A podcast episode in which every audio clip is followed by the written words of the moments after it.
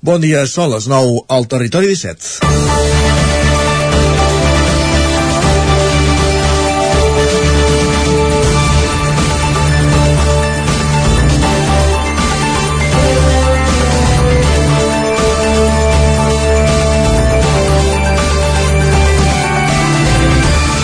L'Ajuntament de Prats de Lluçanès ha decretat tres dies de dol oficial i conjuntament amb el Consorci, els ajuntaments de la comarca i el col·lectiu feminista La Fatillera Ahir va convocar una concentració on es va llegir un manifest, manifest de rebuig a la violència masclista per la mort d'una veïna del poble, embarassada, de 31 anys, Aranxa Caro Montañez. La concentració la van presidir l'alcalde Jordi Bruc i la delegada del govern a la Catalunya Central, Montse Berniol.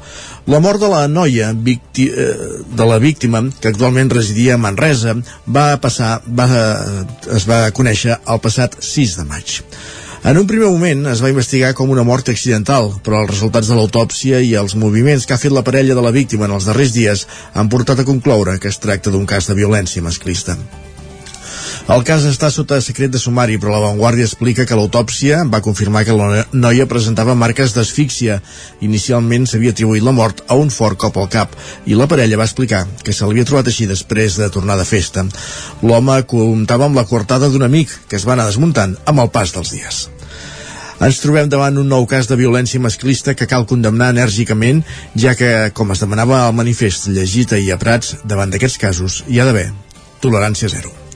És dimecres 17 de maig de 2023 en el moment de començar el Territori 17 a la sintonia d'Ona Codinenca, Ràdio Cardedeu, la veu de Sant Joan, Ràdio Vic, el 9 FM i també ens podeu veure, ja ho sabeu, a través de Twitch, YouTube, el 9 TV i la xarxa més. Territori 17, amb Vicenç Vigues i Jordi Sunyer.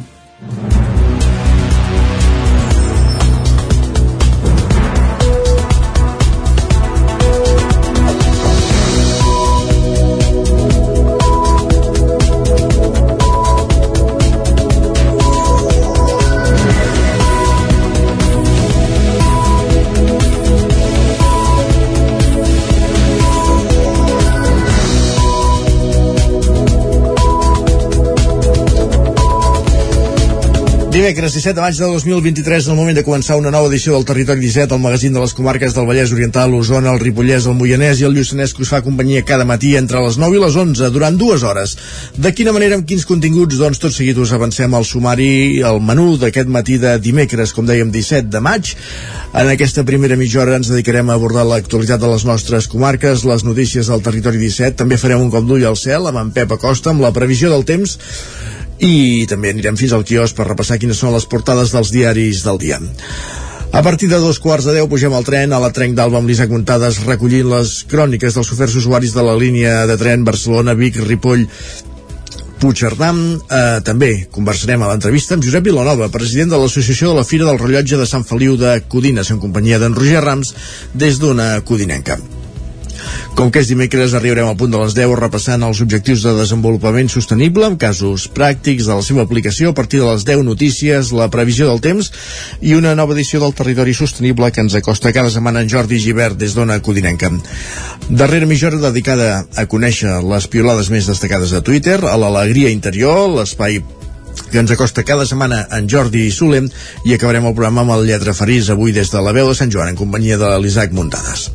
Aquest és el menú del territori 17 d'aquest matí de dimecres, com dèiem, 17 de maig de 2023, moment de posar-nos a servir-lo, un moment de posar en dansa el territori 17, el territori el magazín de les comarques del Vallès Oriental, Osona, el Ripollès, el Moianès i el Lluçanès i comencem amb les notícies més destacades d'aquestes comarques.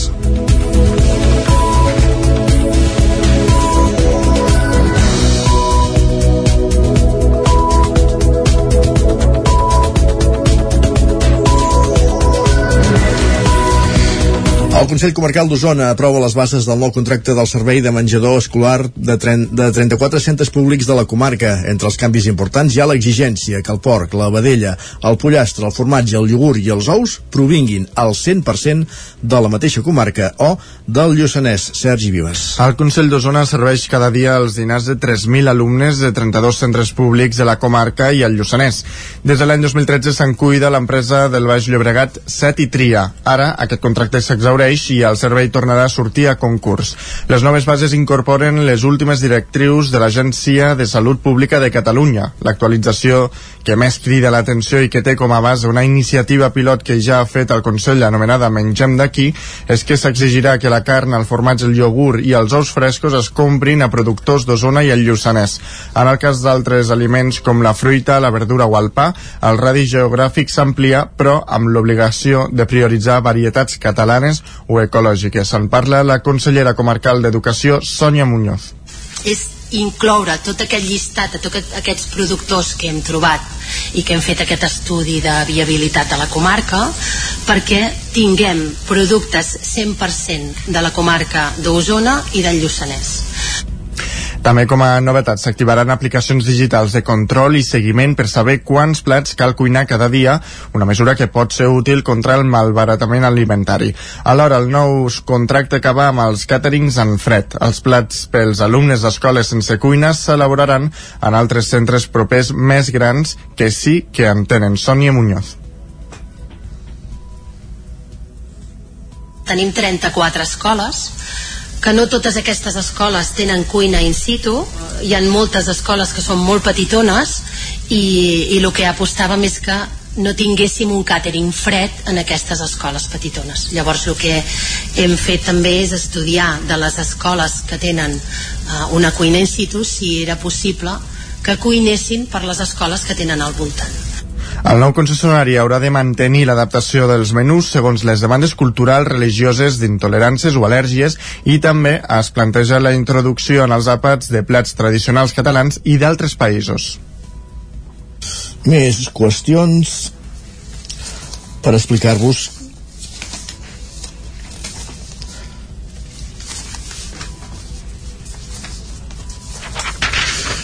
que els municipis que han entrat a la comarca de Lluçanès n'acabaran formant part. Així ho creu Eva Buixader, que ha estat una de les cares visibles de la plataforma Lluçanès és comarca que, i que també ha estat alcaldessa de Lluçà, Sergi. En una entrevista al 9TV, Buixader deia que tot i que la creació de la comarca no ha estat com havien imaginat durant els anys de reivindicació de la plataforma, suposa un gran pas endavant perquè Lluçanès pugui aplicar unes polítiques adaptades a les seves necessitats.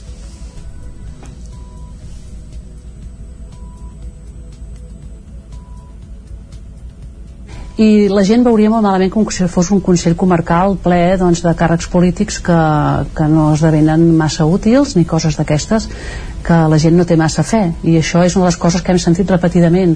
Uh, un Consell Comarcal per què? per posar més polítics, més gent això no cal. I és, i és veritat. I també haig de dir que això des dels consistoris des dels ajuntaments també es veu així. Sempre hem defensat una comarca eh, regida per una assemblea d'alcaldes i sense més representació política en el Consell Comarcal.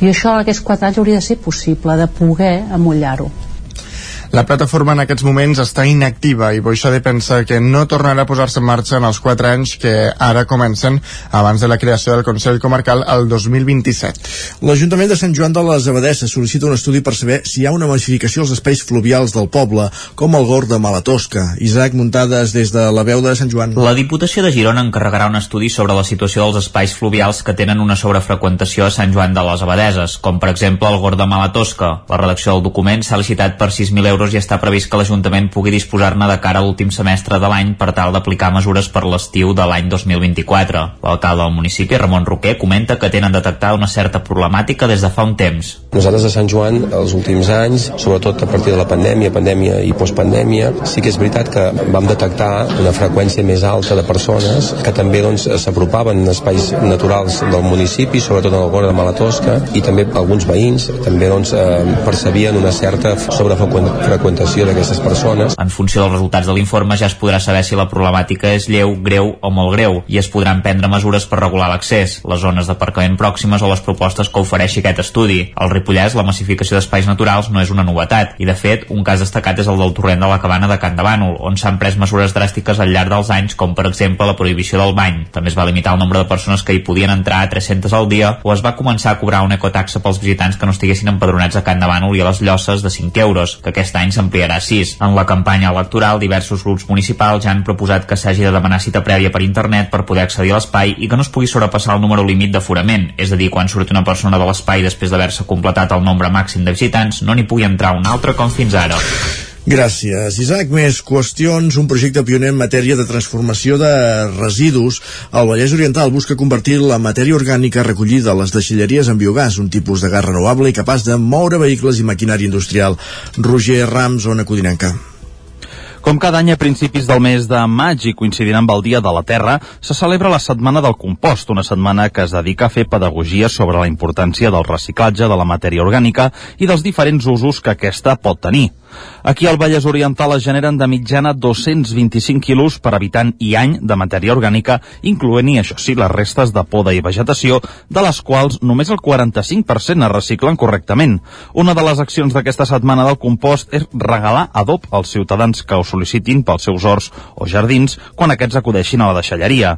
El director del Consorci per la Gestió de Residus del Vallès Oriental, Albert Camps, explica la importància de tancar el cicle de la matèria orgànica. Bé, la, la, la matèria orgànica, eh, fer la, la, també la recollida selectiva és molt important, eh, perquè això de recollir menjar i haver-lo de, de guardar és una mica molest i tenim tendència eh, a llançar-lo al contenidor gris i això és una mala, una mala praxis, no? Per què? Del compost és un, un producte que podem tornar a la terra en forma de d'adob, no? que el podem utilitzar, per exemple, ara en aquesta campanya, doncs l'estem regalant a les, a les deixalleries, això ens serveix que allò que hem dipositat en el contenidor marró, d'alguna manera ens retorna a nosaltres com un adob a banda dels usos que ja es coneixen d'aquest residu, des del Consorci del Vallès Oriental expliquen que hi ha en marxa un projecte pioner que busca convertir la matèria orgànica en biogàs, un gas renovable que serveix, entre d'altres, per moure vehicles. Al llarg de, del tractament de la matèria orgànica que fem a la planta, doncs que tenim ubicada a Granollers, que recull tota la matèria orgànica no només de la nostra comarca, sinó també dels municipis del Moianès uh -huh. i de tot el Maresme, doncs en fem, podem fer energia verda en forma d'electricitat a través del biogàs però també hi estem en un projecte pioner eh, per transformar aquest biogàs en biometà també com a gas verd i poder-lo injectar a la xarxa o bé fer anar vehicles no? d'una manera més, més sostenible no? amb un gas, amb un combustible també renovable no? Pel que fa a Sant Feliu de Codines, en aquest aspecte les dades apunten que la feina s'està fent força bé, ja que si bé generen de mitja més quilos de residus orgànics que la resta de la comarca, 309 per habitant i any, gairebé un 70% acaba reciclat i sent transformat en adob o compost. Com dèiem a la portada, més qüestions. L'Ajuntament de Prats de Lluçanès ha decretat tres dies de dol oficial per la, mort, per la mort, presumptament per part de la seva parella, d'una veïna del poble que vivia a Manresa. El presumpte autor del crim va ser detingut aquest dilluns, Sergi. La consellera d'Igualtat i Feminismes, Tania Verge, i els alcaldes de Manresa i de Prats de Lluçanès, Marc Eloi i Jordi Bruc, van participar ahir al Minut de Silenci que es va fer a la plaça Major de Manresa en record a la noia de 31 anys morta presumptament per la seva parella. I van acompanyar familiars i companys de feina de la víctima, que era originària de Prats del Lluçanès i ara vivia a Manresa. La noia estava embarassada. Tania Verge feia una crida a la implicació social per erradicar les violències masclistes. Perquè la violència masclista no té edat, no té classe, no té origen, però té gènere. El masclisme mata. Per tant, és una obligació i una responsabilitat com a societat erradicar-lo. Com a govern no ens aturarem en aquesta lluita incansable per erradicar les violències masclistes amb tots els recursos que sigui necessari i per això recordem també a totes les dones que no estan soles, que no esteu soles. Teniu al vostre abast tota una xarxa pública de serveis d'atenció a les violències masclistes i un telèfon gratuït i confidencial, el 900 900 120, que us proporciona acompanyament psicològic, també assessorament jurídic els ajuntaments de Manresa i de Prats han decretat tres dies de dol oficial. Se suspenen les celebracions oficials i fins dijous les banderes onejaran a mig pal. Ahir al vespre Prats va fer un minut de silenci al ple municipal d'avui incorporarà un punt extraordinari de rebuig al crim masclista i de suport a la família i a l'entorn de la víctima. Tots els grups municipals han signat un comunicat en què expressen la condemna absoluta pels fets. Jordi Bruc és l'alcalde de Prats i que està clar que el que hem de fer és denunciar-ho. Malauradament avui estem aquí i hem patit doncs, eh, aquest acte de feminicidi doncs, eh, s'ha viscut a Manresa però doncs, com dèiem, eh, una veïna del municipi i que això toca molt de prop a, a moltíssima gent per la coneixença. Vull dir, erradicació i intentar que sigui l'últim La dona va aparèixer morta al pis on convivia amb el seu company sentimental el dia 6 de maig. Inicialment es va descartar que es tractés d'un homicidi perquè no hi havia indicis de criminalitat, però finalment els resultats forenses i la investigació policial van apuntar l'home com a principal sospitós. Va ser detingut aquest dilluns. Segons el Tribunal Superior de Justícia, no hi ha constància d'antecedents de violència entre la víctima i el detingut. S'ha decretat el secret de sumari. Més qüestions. Un detingut, en aquest cas al Vallès Oriental, després d'amenaçar treballadors del Centre d'Urgències d'Atenció Primària de Granollers, Pol Grau, Ràdio Televisió Cardedeu. Els Mossos d'Esquadra han detingut aquest dissabte a la tarda un home després d'amenaçar treballadors del Centre d'Urgències d'Atenció Primària del carrer Girona, al centre de Granollers. L'arrestat ha acabat detingut per atemptat i desobediència als agents de l'autoritat perquè, quan els agents van arribar al lloc, va colpejar un policia ja a l'exterior del centre. La policia va rebre un avís cap a tres quarts de set de la tarda per la presència d'un home que estava amenaçant a personal del Centre d'Urgència d'Atenció Primària a l'interior de les instal·lacions. Des del mateix centre s'ha alertat els Mossos d'Esquadra, que han traslladat diverses situacions. En arribar al lloc, l'home no ha fet cas dels policies, s'ha mostrat agressiu i n'ha colpejat un. Llavors, els agents l'han reduït a la cruïlla del carrer que comunica amb la plaça Perpinyà, on després ha estat traslladat a comissaria. Gràcies, Pols. I a la plana electoral, Junts per Catalunya vol ampliar el recinte final del Sucre de Vic per fer-lo més competitiu. Uh, Sergi Vives. Ho anunciaven ahir Albert Castells i Bet Piella, número 1 i 2, respectivament, de la llista del partit de l'alcaldia de Vic. Ampliar aquest equipament ha de permetre impulsar noves fires i contribuir al desenvolupament econòmic i social de la ciutat, però també del conjunt de la comarca. Asseguren que cal potenciar les fires, però també els comerços, les empreses i el teixit emprenedor de la ciutat. En aquest sentit, preveuen convertir el sucre amb la mirada posada en el bit, en un hub tecnològic de primer nivell. Bet Piella. Volem fer una reforma de del recinte firal. Per què? Perquè aquest recinte firal està molt utilitzat, evidentment, quan tenim fires, però ens agradaria potenciar-lo perquè fos un lloc de trobada de les empreses, de congressos, i per tant requereix una reforma, i ens semblava que la reforma més adient seria obrir la façana a la plaça, aquesta magnífica plaça, i que per tant el bar de l'interior pugui donar servei en aquí i tinguem també una terrassa. D'aquesta manera s'uniria una mica el que és el BIT, el que és el recinte i donaria servei a totes aquestes empreses que hi són i les que es vulguin acostar a celebrar actes al recinte. Pel que fa al comerç de la ciutat, des de Junts es comprometen a treballar per la seva singularitat. La seva aposta, diuen, també es centrarà en potenciar i reconèixer el comerç de proximitat. Albert Castells hem de seguir apostant els propers anys clarament pel comerç de la ciutat, aquesta essència comercial que té la ciutat, també de fires, de mercats i sobretot donar suport als emprenedors perquè són a la base de la nostra economia i per tant de la nostra qualitat de vida i de benestar. Tot plegat ho van anunciar ahir en un acte de campanya que tenia lloc a les portes d'aquest recinte. Doncs gràcies, Sergi. Aquí acabem aquest repàs informatiu que començàvem al punt de les 9 en companyia de Sergi Vives i Isaac Muntades. Roger Rams i Pol Grau. És moment al territori 17 de saludar també el nostre del temps, en Pep Acosta.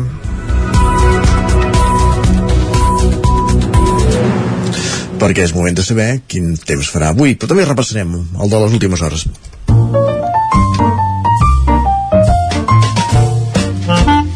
Casa Terradellos us ofereix el temps. Per tant, anem cap a una codinenca. Pep Acosta, benvingut, bon dia. Hola, molt bon dia. Què tal, com estàs? Què tal? Com va la setmana? De marxant, i tu? Aquí estem un dia més fidels a la cita diària. Espero que tot vagi molt i molt bé.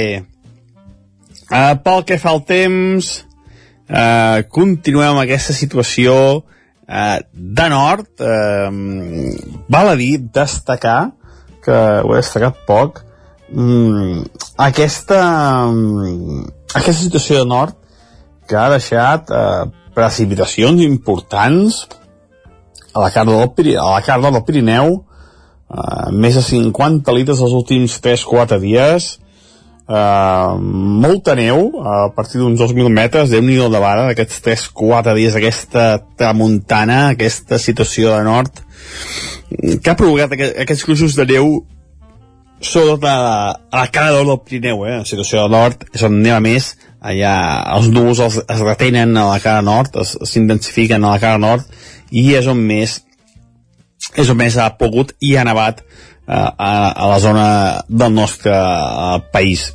Mm, aquesta precipitació ha estat independent, eh, de, independentment de, de les tempestes que han crescut uh, a casa nostra durant les tardes. aquesta situació de nord ha estat una situació eh, de pluja i neu continuada durant dos o tres dies seguits eh, que és el que necessitem a la resta de, de les comarques que es produeixi això, eh, dos o tres dies seguits de pluja i pluja mm, però que al moment no es veu, no es veu per, per, per enlloc i no, no, no hi haurà un, un temporal de, de pluja destacat eh, els pròxims, els pròxims de, dies. Avui, anem a pams, eh? després de dir aquesta després de comentar aquesta situació de nord que ha sigut molt interessant i que ha, ha portat molta pluja cap a la cara nord del Pirineu avui a la nit ha estat un dia força tranquil molts pocs núvols aquesta nit uh, ha afluixat ja una mica aquesta situació de vent de nord i això fa que les temperatures baixessin. Han baixat les temperatures uh, i atenció a les mínimes d'avui fins i tot mínimes negatives que passen pel de Segúries cap a les zones més, més altes del Pirineu. 2-3 graus cap a Vilagrau 7 graus a Cals de Montbui. Ja veieu quines temperatures més baixes de nit. Uh, fa falta una bona jaqueta a primeres hores de, del matí. Avui serà un dia eh, força tranquil aquest matí, molts núvols, eh, molt, molt, molts pocs núvols, perdó, moltes clarianes, gairebé cap, cap núvol, de cara a la tarda, creixement de nuvolades i fins i tot alguna petita precipitació cap a la zona del Montseny. Igual que ahir, eh? ahir vam tenir pluges molt, molt, molt localitzades, ja molt poca cosa, zones del Montseny, zones pròximes, mm, molts pocs litres. Avui encara la, la situació és de, de menys litres, eh, segurament, fins i tot eh, plourà una mica menys del que va ploure ahir, eh? per tant seran eh, precipitacions molt poc, molt poc extenses i molt poc intenses, molt, molt, molt poca cosa. Les temperatures eh, avui pujaran una mica, avui farà més, eh, més sol, més hores de sol, eh, menys núvols i per tant les temperatures pujaran moltes màximes entre els 18, 19, 23, 24 graus. Aquest vent de nord afluixarà, no entrarà, no entrarà tant aquest vent de nord, i per tant eh, no hi haurà tampoc aquesta precipitació ja cap a la cara nord del Pirineu. Moltes gràcies, adeu. Gràcies a tu, Pep, res més tard. Casa Tarradellas us ha ofert aquest espai. I el que fem tot seguit és anar cap al quios perquè volem saber com són els diaris avui, volem repassar les seves portades, ho fem cada dia en companyia d'en Sergi Vives. Què ens deparen avui els diaris, Sergi? Doncs va, mira, el punt avui encapça la portada amb el titular plantada al francès. Expliquen que la batllessa de Banys a la Catalunya Nord desafia el vet de l'ús del català al ple fent servir l'anglès. Diu, veurem si també el prohibeixen o si del que es tracta és discriminar el català. Afegeixen que els batlles d'Elna i Tarerac es plantegen accions de desobediència similars. I en què diu el llarena francès de turno? Vinga, més qüestions. Uh, per altra banda, diuen que Creu Roja ha atès 46.000 refugiats ucraïnesos des de l'esclat de la guerra.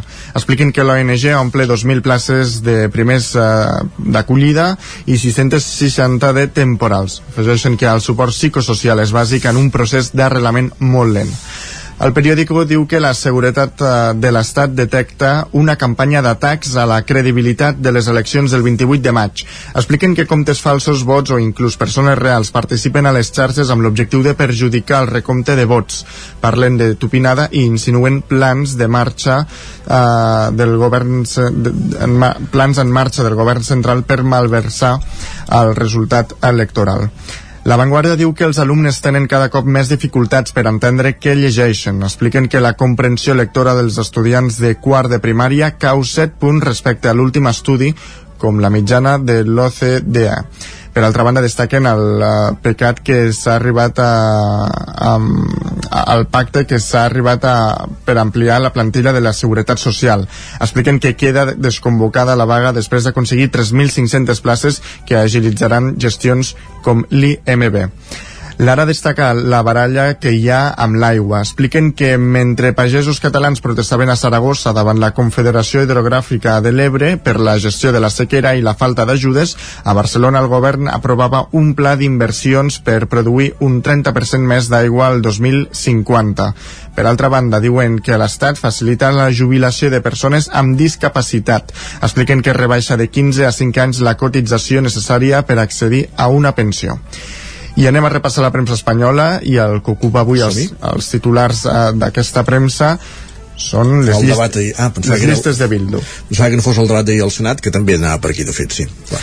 El, el país diu que set exetarres amb delictes de sang renunciaran a ser regidors. Expliquen que els candidats de Bildu es, deci, es decideixen per no afegir dolor a qui ha uh, sofrit. Expliquen que el grup tracta de desmentir que la coalició tingui com a objectiu legitimitar a ETA. Seguint amb la mateixa línia, l'ABC diu que Otegui dona un cable a Sánchez. Expliquen que veuen la renúncia d'aquests assassins com a un sacrifici i frena el desgast electoral del seu soci. Tot i això diuen que manté a 37 condemnats per col·laborar amb la banda. De fet, el Mundo diu que entre aquests 37 hi ha condemnats per atemptats i per informar a ETA. Afegeixen que Sánchez es nega a dir que no pactarà més amb Bildu i aquest recrimina ara a Feijó el cas Faisan i l'11M. Amb tot, la Razón diu que Sánchez vol desviar l'atenció i acusa a Feijó d'instrumentalitzar les víctimes. I altres titulars que ens deixen avui als diaris doncs, són, per exemple, que al País mm, diu que els magnats de la indústria de la intel·ligència artificial volen que la regulin. Expliquen que el CEO d'OpenAI, el creador del xat GPT, demana al Congrés dels Estats Units actuar ja. I el Mundo, i acabem amb això, diu que la Unió Europea exporta a països pobres 13.000 tones de pesticides que prohibeixen eh, pels seus propis eh, cultius. En fi, el món.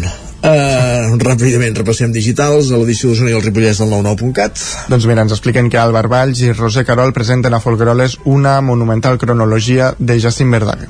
I a l'edició del Vallès Oriental? Doncs que Granollers recordarà Olga Pei com a gran dama del teatre. Doncs dit tot això, gràcies Sergi. A tu. El que fem tot seguit al Territori 17 és una petita pausa per la publicitat, però tornem de seguida amb l'R3, amb la Trenc d'Alba i amb l'entrevista avui des d'Ona Codinenca. 3 minuts i tornem fins ara mateix. El nou FM, la ràdio de casa, al 92.8. Quan tingui un problema amb la seva caldera, vagi directament a la solució. Truqui sempre al servei tècnic oficial de Saunier Duval i despreocupis, perquè som fabricants i coneixem les nostres calderes peça a peça. I ara aconseguiu fins a 250 euros en canviar la caldera. Informeu-vos al 910 77 10 50 o a saunierduval.es. Ajuntament de Gurb.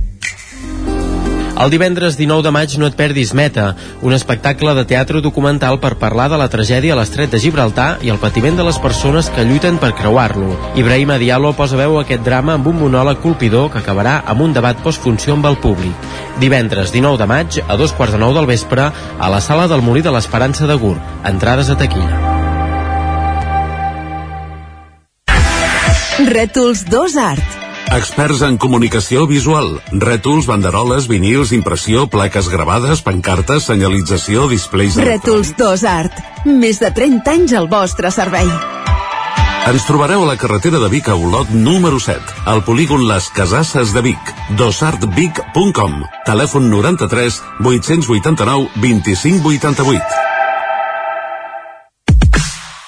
Estàs preparat per aquest estiu? A Boi Galtés som especialistes en tot allò relacionat amb la protecció solar per a qualsevol necessitat d'espai, tendals, pèrgoles, escrins interiors. Anticipa't a la calor. T'assessorem i t'oferim la màxima garantia de confort i benestar per casa teva. No ho dubtis i vine a Boi Galtés. Ens trobaràs al carrer Jaume I de Vic número 5 al 93 886 1420 a la nostra web www.boigaltés.com i també som a Instagram boigaltés.tendals Per moure't, lloga un cotxe ALR. Per moure la família, lloga un minibús ALR. Per moure coses, lloga una furgoneta ALR. Per moure la casa, lloga un camió ALR. Lloguer de cotxes, furgonetes i camions ALR. Ens trobaràs al carrer Francesc Sant Climent 83 de Vic i també a Olot i Manresa. Informa't en el 93 888 60 57 o bé consulta el web alr.cat. El nou FM, el nou FM, el nou FM, el nou FM, el nou FM.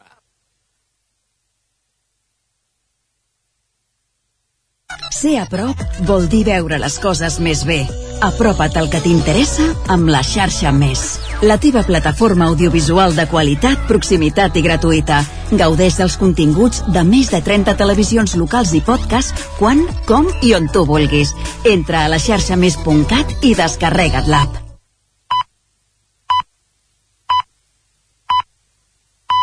Territori 17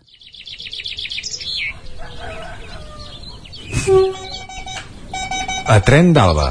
Cada dia els usuaris i usuàries de la línia R3 de Rodalies que veuen sortir el sol des d'un vagó ens expliquen les gràcies i les penes del primer comboi que uneix Ripoll i Barcelona o les feixugues jornades amb el tren després de treballar. Benvinguts a Tren d'Alba. Ja fa unes dues setmanes que es va produir l'avaria a l'estació de Gavà, el famós incendi en un quadre de senyals, dins de la línia R2 Sud, i la Generalitat ja va posar sobre la taula una gran aliança, ara que queda poc més d'una setmana per les eleccions, per exigir el traspàs complet de Rodalies, que acumula greus incidències. Segons el govern, els primers 4 mesos de l'any el servei de Rodalies de Renfe només ha funcionat 22 dies sense registrar avaries, una xifra força pèssima. Això significa que vol dir que cada 6 dies n'hi ha 5 amb incidències tècniques. Un sorteig en què gairebé tothom és afortunat, a diferència de la loteria. Renfe va respondre que les alteracions del servei es corresponen a una xarxa complexa, amb gairebé 300.000 trens de rodalies que circulen cada any. A més, segons la companyia, part de les incidències es corresponen a causes externes, com a episodis meteorològics o robatoris de coure. O sigui que quan cauen quatre gotes ja no ens en podem fiar. Bona excusa té el malalt que es pixa el llit i diu que sua. Va, ens retrobem demà amb més històries del tren i de l'R3. Territori 17, el 9 FM, la veu de Sant Joan, Ona Codinenca, Ràdio Cardedeu, Territori 17. Un minut i mig que passen de dos quarts de 10 del matí.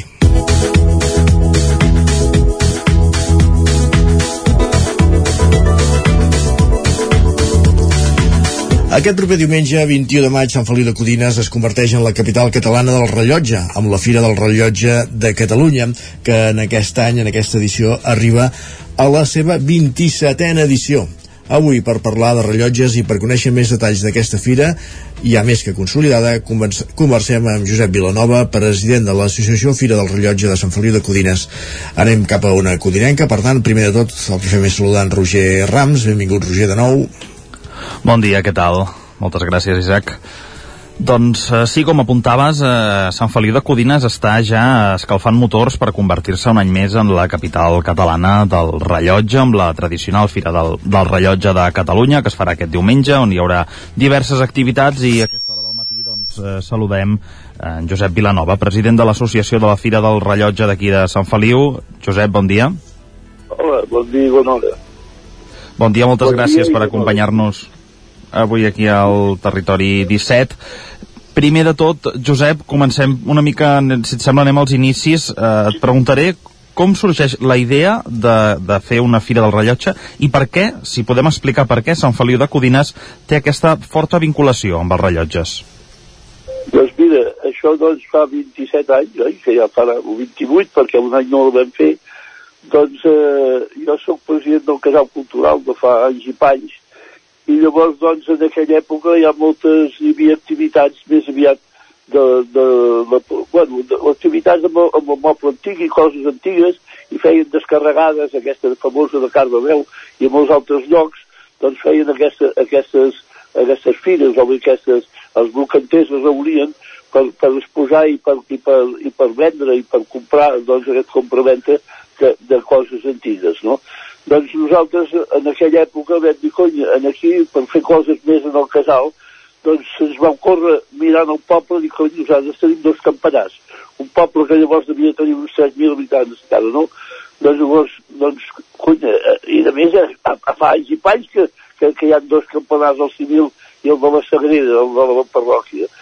i vam dir, doncs, fruit, per què no comencem doncs, aquesta fira de la mesura del temps i tot el que sigui relacionat amb el rellotge. I llavors, doncs, allò, doncs, fes, fes que faràs i, i tal trobaràs. Doncs llavors vam pujar al campanar de la torre i resulta que, que feia 200 anys justos, doncs aquell any, que era el 1796, que funcionava el, el, el, el rellotge del campanar, del campanar civil. O sigui que quan feia 200 anys vam començar nosaltres la fira. O sigui, per carambola, no? Per casualitat. Però vull dir, bueno, és això que diem. Vull dir, si fas coses, ja a vegades et trobes amb unes casualitats que són, que són a més a més que hi encaixen, comprens? Doncs d'aquí va venir això i llavors vam començar aquesta fira que ens va costar molt perquè vull dir, els cals bocanters portaven una mica de tot i els deien, no, nosaltres llibres, coses de, del rellotge sí, però vull dir, que porteu en aquí coses mobles i coses raros que llavors doncs desvirtuem el que nosaltres vam fer de la fira. Ens va costar molts primers anys, però ara que ja ho tenim consolidat, doncs llavors ja tots els brocanters i col·leccionistes i, i intercanvis que es fan aquí, i això doncs ja és purament purament la mesura del temps del meu rellotge. Uh -huh. La mesura del temps, per tant una mostra de, de rellotges, expliqui'ns què, què hi podem trobar exactament, quin tipus de rellotges trobem en, en aquesta fira. A la fira actualment ja hi ha rellotges de tota mena. Vull dir que de, des, de, des dels rellotges eh, que avui dia doncs, doncs és d'usar i tirar quasi, com els rellotges complicats, doncs que avui dia doncs, doncs ja tu, miren la pressió, miren això, i un hi pot pagar els diners, tot, etc. Vull dir, ja, esclar, el rellotge ja s'ha fet una, una, una, una eina, una eina que, que, que, que està substituint bastant en el telèfon ja per moltes coses. O sigui que que el, el més modern jo crec que no pot ser. I, que, i llavors, en canvi, hi ha el més antic, que els més antics, doncs, que són? Els més antics, doncs, de peses, aquests que són de la selva negra, que nosaltres en diem rateres, que són els mecànics que, que considerem potser més antics. Més antics encara d'aquests són els que, els que hem trobat per Catalunya, com el de Mollà, per exemple, doncs, doncs que, que es feien, es feien doncs, eh, mirant i, i copiant els rellotges doncs, de campanar, perquè tenim de pensar que els primers rellotges mecànics es feien grans i, es feia, i els, la gent només sabia l'hora per les campades que tocava, que tocava el rellotge del campanar, no? O sigui, o sigui que, i des d'aquí, doncs, es cada entremig, doncs hi ha rellotges de tota mena, de tota mena, i els antics també hi ha la sorra, hi ha aigua i això, però això ja ens anem a la prehistòria, quasi, bueno, a l'assumpte de, de, dels egipcis, egipcis i grecs. Mm -hmm. Digue'm. Uh, Josep, jo també et volia preguntar, perquè aquí a Sant Feliu tenim el Museu del Rellotge de Catalunya, que també es podrà veure aquests dies. Imagino que allà dins hi ha coses que a la fira, per complexitat dels objectes, no es poden veure. Ens pots fer cinc cèntims de, de, de què és el, el que fa especial aquest museu? Quin museu em dius? Ah, el Museu del Rellotge, disculpa, disculpa.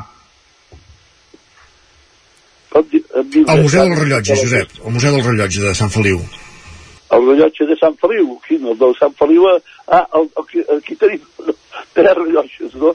Bueno, no, no, el de la torre del rellotge, que vull dir que funciona avui dia, ja, ja no, no es de pujar cada dia com pujava el ton, sinó que, que ja, ja és, és electro, electrònica, i llavors ja, ja, ja, ja toca, ja toca exactament les hores, i quan canvia doncs va per satèl·lit. Llavors, és que aquí tenim uns altres que se'ns va ocórrer doncs, doncs posar els rellotges de sol a la, a la façana de l'Ajuntament i aquests doncs són, no, només és que algú se fot una mica perquè aquest rellotge diu estan a la sombra i té raó, estan a la sombra el matí estan a la sombra a la tarda sí, ja hi toca el sol i llavors marquen m'entens? O sigui que, que vam fer que, aquesta idea doncs, que, que un, un matemàtic doncs, que a més amb ascendència vital a Sant Feliu es deia Gilbau Baró un dia el seu avi, que era un comprom d'aquest poble i, i nascut d'aquest poble, doncs bueno, ens va fer la gràcia doncs, de, o, o, de fer una cosa diferent i posar aquestes plaques que hi ha, que es veuen a la torre del rellotge que quasi ningú les entén. Com hi ha, hi ha un prospecte que deixem a l'entrada de l'Ajuntament perquè un ho pot llegir i veu exactament com, com funciona això. Digue'm, digue'm. Um, mm. en aquesta fira també hi ha una, una subhasta, si no tenim mal entès, una subhasta de, de rellotges. Uh, què s'hi podrà... Quins preus s'han pagat en edicions anteriors per, per, per aquests rellotges, diguéssim, a la subhasta?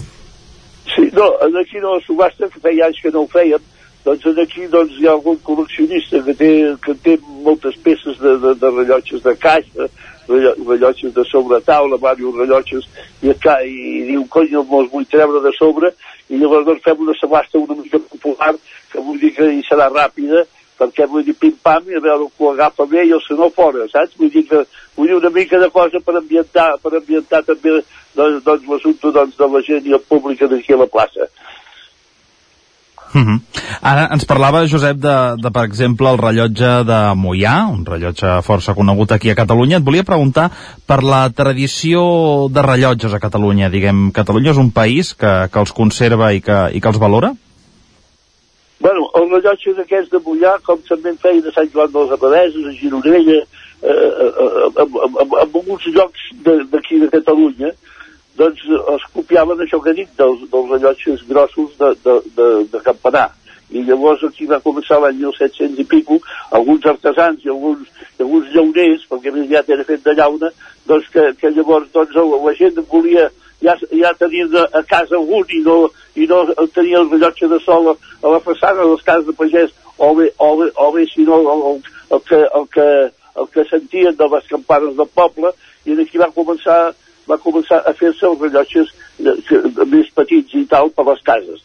I, i, i aquí Mollà doncs, hi ha l'ascendència perquè és dels, dels que se'n coneixen més d'aquesta època de l'any 1700 i primers del 1800.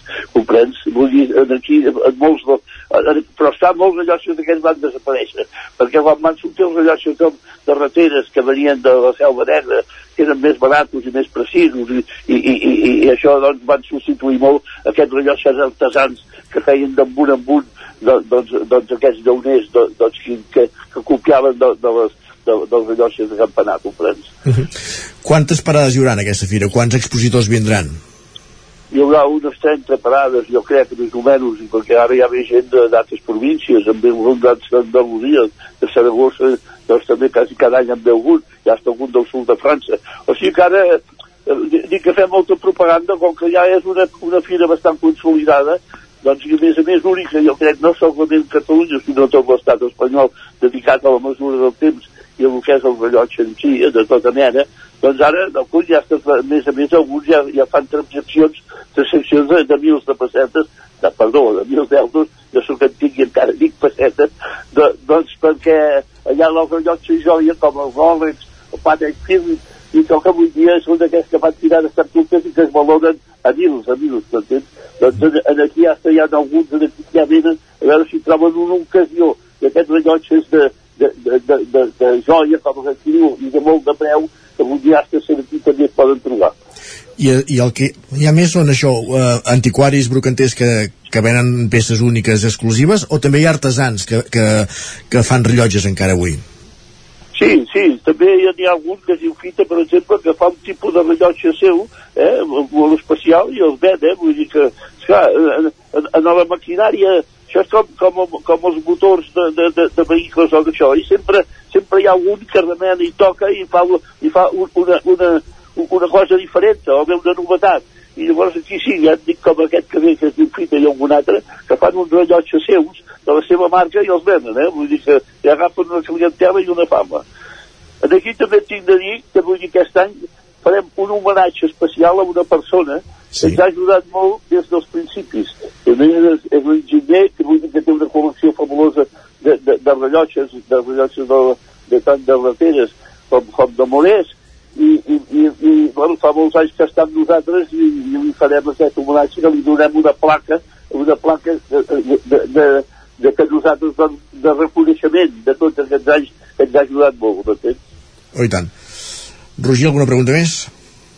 No, jo crec que ja ho tenim, esperar ara, això sí, que arribi el diumenge per, eh, per gaudir no, de- d'aquesta fira i per veure un cop més doncs, com Sant Feliu de Codines s'erigeix, com, com deia en Josep, com a capital catalana i també, en certa mesura, de l'estat espanyol i del sud de França, de, de la mesura del temps i del rellotge. Josep, que vagi molt bé la fira, doncs, diumenge. Bueno, esperem que no plogui perquè si no tindrem d'anar al centre cívic ja el tenim una mica previst. Però mira que bueno, convé eh, que plogui, ens convé molt. convé que plogui, però aquest dia almenys el diumenge al matí no, coi que es deixi. I si, I si no, anirà al centre cívic, deia, eh? sí, sí, no sé, sí, sí, no hi ha pel centre cívic, ja ho tenim més o menys previst. Doncs, vale. moltes gràcies, que vagi molt bé la fira. Bon dia. Mira, moltes gràcies a vosaltres. Gràcies i bon dia a tothom. Adéu. Adéu. Gràcies també, Roger, doncs, per acompanyar-nos un matí més. Va, gràcies. Fins ara. Parlem. Avancem aquí al territori 17 després de conversar amb Josep Vilanova, el president de l'Associació de la Fira del Rellotge de Sant Feliu de Codines, una fira que es fa aquest diumenge, eh, arriba a la 27a edició i amb expositors provinents d'arreu de la geografia espanyola i també de, del sud de França, ens comentava. Això serà diumenge, ara avancem al territori 17 i ens fixem en els objectius de desenvolupament sostenible, en experiències de la seva aplicació, experiències d'aplicació dels ODS. Territori 17. Com dèiem, ara al territori 17, moment de fixar-nos en els objectius de desenvolupament sostenible en els ODS. Territori, Territori 17. 17. Territori 17.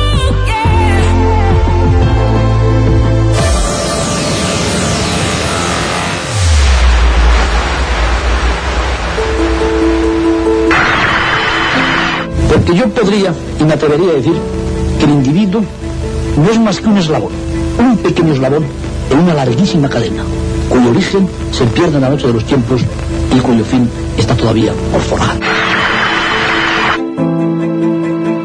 L'aleteig d'una papallona es pot sentir a l'altra punta del món. Tot comença per tu. Susara havia punto. Ona ODS. Onda ODS. Una finestra oberta Una ventana abierta. a un futur sostenible. Etorkizun jasangarri baten ardatz. Una fiestra aberta a un futur sostenible.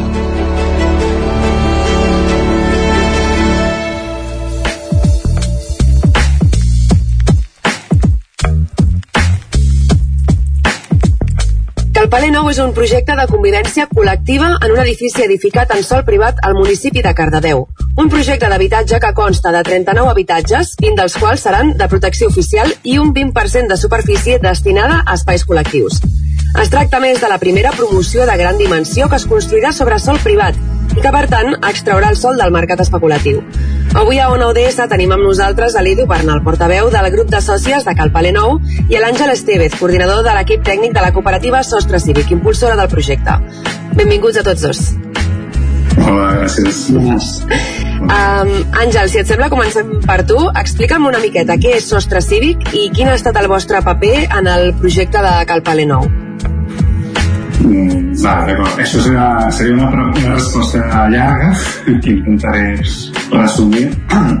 Llavors, el Sostre Cívic um, és, hi ha una part que és una associació vale? que va néixer ja fa temps, el 2010, per impulsar un nou model d'accés a l'habitatge, que és el model d'habitatge cooperatiu en sessió d'ús, que us explicaré molt breument què és. I alhora és una cooperativa, que es va formar el 2014-2015, uh, per convertir aquest impuls, no, aquest model, en una realitat al nostre, al nostre país. Llavors, uh, la cooperativa, uh, el, la funció que té, diguem-ne, és de donar habitatge assequible eh, hi ha una sèrie de valors no, que en parlarem per les nostres sòcies i eh, d'una manera autogestionada, democràtica, no, en funció de tots els valors de l'economia social i solidària, així com del, del cooperativisme. Dit això així molt resumidament, eh, res, explico un moment què és el model de sessió d'ús, perquè si no ens entendrem a la resta del país, i després el que com va començar a Carpaler, molt, molt resumidament. O el que hem fet per, per iniciar el projecte Carpaler. El model de sessió d'ús és molt, és molt senzill, es basa en la propietat col·lectiva, així com en altres, i està, nosaltres estem dient que està treballant en lloguer, així com en altres models eh, que es basaven en l'impuls col·lectiu d'un projecte cooperatiu, no? com es feia abans, que les sòcies impulsaven un, un projecte després es repartien els habitatges entre les sòcies una, un cop estava construït, per tant s'ajuntaven només per fer la promoció. La diferència de la sessió d'ús és que aquesta, aquesta impuls col·lectiu es perpetua en el temps, és a dir, els immobles que, que impulsa la cooperativa impulsen les sòcies col·lectivament, però són, formen part de propietat de de la cooperativa. No només de les persones que van a viure en aquest edifici, sinó, de, com he dit abans, de totes les sòcies que formen part d'aquest paraigües no, que hi ha de la cooperativa. Per tant, el que fa la cooperativa és fer un contracte de sessió d'ús, que diu el nom de sessió d'ús, perquè les uh, usuaris que han impulsat el projecte no, i que posen el capital per, per fer l'inici, etc i que per les seves quotes per finançar el projecte, eh, tinc aquest dret d'ús en tota la seva vida eh, de l'edifici no? I, i que a més puguin les decisions al respecte. No? Um, anem una mica als inicis de, del projecte. Edu, com, com, com es va iniciar aquest projecte a Cardedeu i quanta gent en, en forma part? I a la cooperativa eh, busca, suposo, que interessats en, en participar en aquest projecte vale? i apareixen un primer grup d'unitats de, de convivència, no recordo quantes eren, vale? i engeguen el sostre cívic, que hi ha un terreny, al projecte, i res, i eh, el sostre cívic engega tot el tema de, de projecte arquitectònic, eh, buscar financiació, de més, i, el, i aquest grup va creixent a poc a poc amb tongades, no? Llavors jo entro a la tongada del 2021, a la primera del 2021, i, i res, i fins ara. Llavors sí que s'ha trigat una miqueta, en principi els projectes, rectifiquen també d'ençà, si m'equivoco, haurien de durar més o menys uns 3 anys, i aquest en portem 5 però bueno, per diferents problemes que hi ha hagut, amb algun permís o alguna cosa, però ara ja estan solucionats. Em sembla que en aquest moment el tema de permisos ja està uh, solucionat. I res, i ara mateix, doncs això, som un grup de... Em sembla que són 29 unitats de convivència. Sí, no sé que ha caigut alguna o tal, però entre 28 i 29 unitats de convivència. Uh, Expliqueu-me quines són les diferències principals entre un habitatge cooperatiu i un habitatge privat. Quins són els drets i deures de les persones que, que viuen en un habitatge cooperatiu? Mira, per mi, Àngel, um, jo m'agradaria molt explicar, a mi quan la gent em pregunta, quan jo explico a algun amic o algú, mira, estic en aquest projecte de vivenda cooperativa i tal, de seguida em pregunten, però això què és? Un lloguer o una propietat? Saps? I has d'entrar a explicar que no és un lloguer i no és una propietat. I bàsicament el model és això, és ni és lloguer ni és propietat. Simplement és un grup d'unitats de convivència que s'ajunten amb ajuda, en aquest cas, de la cooperativa de sostre cívic, que ens ajuda a muntar una vivenda on tots, o sigui, tots tenim aquest projecte de vivenda, llavors es, es munta un projecte, es crea el projecte, es demana la pasta per fer-ho, es fa, i després tots convivim. I per, per arribar a aquest punt, clar, què cal? Pues cal, quan, quan entres a dintre del projecte cal fer un dipòsit, ¿vale? un dipòsit d'una sèrie de, de diners que són retornables i aquests diners serveixen per tenir un, una mica de muscle econòmic per anar al banc o a una entitat financera i dir, escolta, tenim aquest, aquest dipòsit i volem uns diners per fer l'obra. I després, quan l'obra està acabada i tu entres a viure, sí que cal pagar una quota per mantenir el, la vivenda, que sempre és inferior a un lloguer. No? En aquest cas... És, és, aquesta quota, és un complementari per, per, perquè m'entengui tothom també, és la que serveix per pagar aquesta hipoteca que has demanat al banc. És a dir, una part de capital social que seria com l'entrada no, que fas del pis en un habitatge convencional que no et dona el banc, que és aquell 20% que no et dona el banc, que serveix per finançar també tota l'etapa fins que arribem a l'obra, no? has de demanar de signar el crèdit, i després un cop signat el crèdit, clar, com retornem el crèdit? Doncs amb les quotes de les sòcies, les sòcies no paguen un lloguer, paguen una quota que ve eh, que ens serveix per pagar aquest crèdit, però també, com deia l'Edu, per, mantenir, per fer el manteniment de l'edifici, eh, hi ha una petita quota de replicabilitat que va a la, a la cooperativa per altres projectes, etc. No? Quan parlem de, de, o sigui, de l'ús compartit de, de, de molts dels espais, a què ens estem referint exactament? A veure, eh, en principi, eh, en aquest cas, el projecte està pensat en que hi ha una, un, en aquest cas 39 vivendes, vale? no són unes supervivendes de 5 habitacions i 200 metres quadrats, sinó que són, són unes dimensions més reduïdes, però a canvi tenim uns espais compartits, com per exemple un petit gimnàs, un petit taller, un, un menjador per, per, per un grup de gent gran, tenim un petit jardí, tenim uns, unes, com es diu, unes, uns lockers, uns, uns tercers tenim un espai de coworking, ten, saps? O sigui, hi ha tota una sèrie de... de habitacions de convidats. Exacte, i en aquest cas hi ha dues habitacions de convidats, una per planta, i, en fi, tot això és d'ús cooperatiu. I és a dir, jo vull fer servir l'espai de coworking perquè em quedo a treballar a casa dos dies de la setmana, ho, ho parlo amb, amb l'assemblea o amb el grup i jo puc fer servir o el, o el menjador o el gimnàs per totes aquelles persones que, que no tinguin ni idea de, de l'habitatge cooperatiu i que hagin, que s'hagin assabentat avui no, amb aquesta entrevista, ho heu explicat um, al llarg de l'entrevista, però si podeu fer així com un resumet. Um, com ho hem de fer si volem formar part d'un projecte d'habitatge cooperatiu? jo els diria primer de tot que s'informin que és el, més important eh, hi ha molts llocs on informar-se. Nosaltres en particular al Sostre Cívic fem una xerrada informativa cada mes. És molt fàcil, entres a la web a l'agenda i a la xerrada informativa a l'habitatge cooperatiu.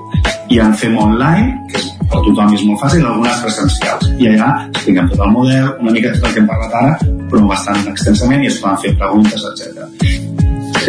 Jo des del meu punt de vista, eh, el, el, nosaltres el que, el que ens ve passar, nosaltres érem quatre unitats de familiars que vam intentar engegar un, un projecte cooperatiu, però de manera autònoma, i de seguida ens vam donar de, que, de, lo, de la complexa que era. Llavors vam assistir a una d'aquestes reunions que comentava l'Àngel, de sostre cívic, presencials, tots no, vam anar dues persones i vam tornar a dir, no, no, estem ajudant i la veritat és que, clar, tu t'incorpores a un projecte i, hòstia, és que està ben parit, tenen molta experiència, des del meu punt de vista, eh? Tenen molta experiència, ja saben que les assemblees poden haver-hi friccions i apareix una figura que és una facilitadora, vale? en el nostre cas, com de l'entitat matriu, de, de, de, de... i, hòstia, és que les, les, les assemblees flueixen, no sé, jo, des del meu punt de vista, des d'intentar-ho de manera autònoma, amb un grupet de famílies, o incorporar-te en un projecte de sostre civil, que és un altre univers, i, hòstia, i les coses o sigui, veus que arribarà a un final l'altre veus que costarà molt i, i deixes molta energia per, perquè es quedi a mitja no? I, i aquí no jo és el meu punt de vista Gràcies, Edu. També aquí va rematar el que diu l'Edu, perquè no tots són flors i violes, eh? També els projectes, ah, clar, no, això deia el compromís, etc perquè sí que, com deia al principi, un projecte de fet, un projecte immobiliari és molt complex ja per si mateix i, i requereix temps i molt de coneixement tècnic, però si li poses a més la participació d'un grup de persones que hi ha alguns que ja estan constituïts però altres que es van coneixent en aquest procés no? i que prenen les decisions de manera eh, democràtica i participativa eh, doncs genera molta complexitat. És molt enriquidor dels projectes i crec que els projectes són molt millors. Això és una conclusió que més fer quasi objectivament perquè m'hi he trobat des d'aquest periodista cívic però bueno, hi ha moments durs, hi ha moments complicats, i doncs hi ha projectes més complicats que altres, això també ho vol dir. Quan treballa en vida, no? Quan el treball en grup sempre costa més, però al final s'arriba més lluny, sempre. Sí, Molt bé, doncs Edu Àngel, ho hem de, de deixar aquí. Moltíssimes gràcies a, a tots dos per, per acceptar aquesta entrevista i, i bé, esperem que, que es pugui acabar aviat el projecte de, de Cal Palenau a Cardedeu. Sí, moltes gràcies a vosaltres. Per moltes gràcies. Esteu convidats a la inauguració. I anirem, segur.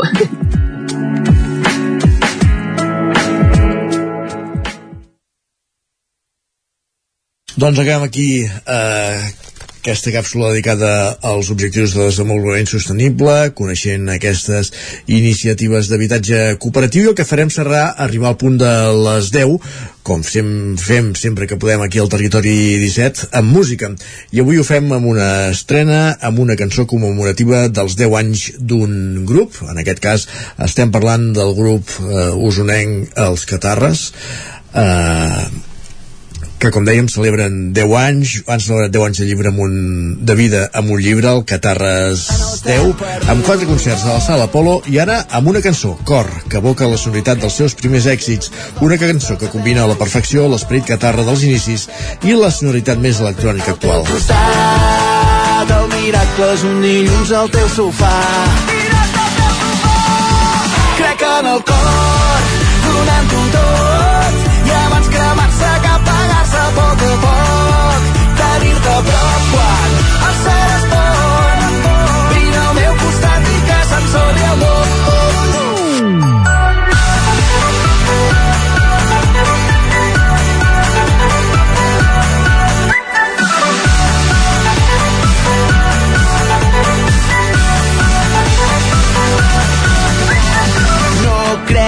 tresors ni en gàbies fetes d'or. Però sé que el que em fa ric és el que he compartit amb tu.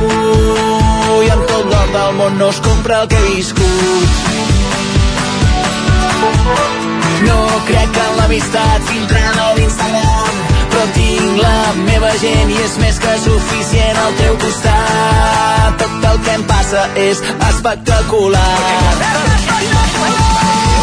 Crec en el cor donant-ho tot i abans cremar-se que apagar-se a poc a poc. Tenir-te a prop quan el cel es pon. Brilla al meu costat i que s'ensorri el món. Quan caus a terra i et sembla que no tens ales per volar.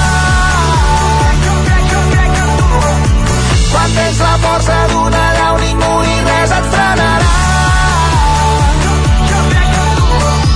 quan estem junts, quan estem lluny.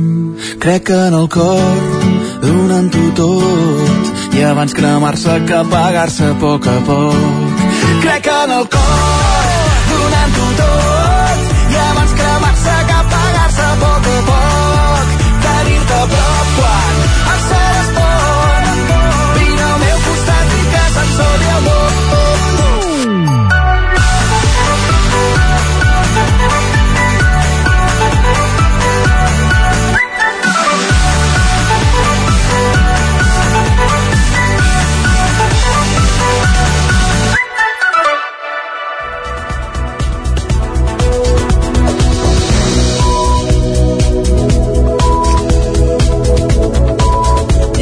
territori 17 de posar-nos al dia, d'actualitzar-nos amb les notícies més destacades de les nostres comarques i ho fem en connexió amb les diferents emissores que dia a dia fan possible aquest programa.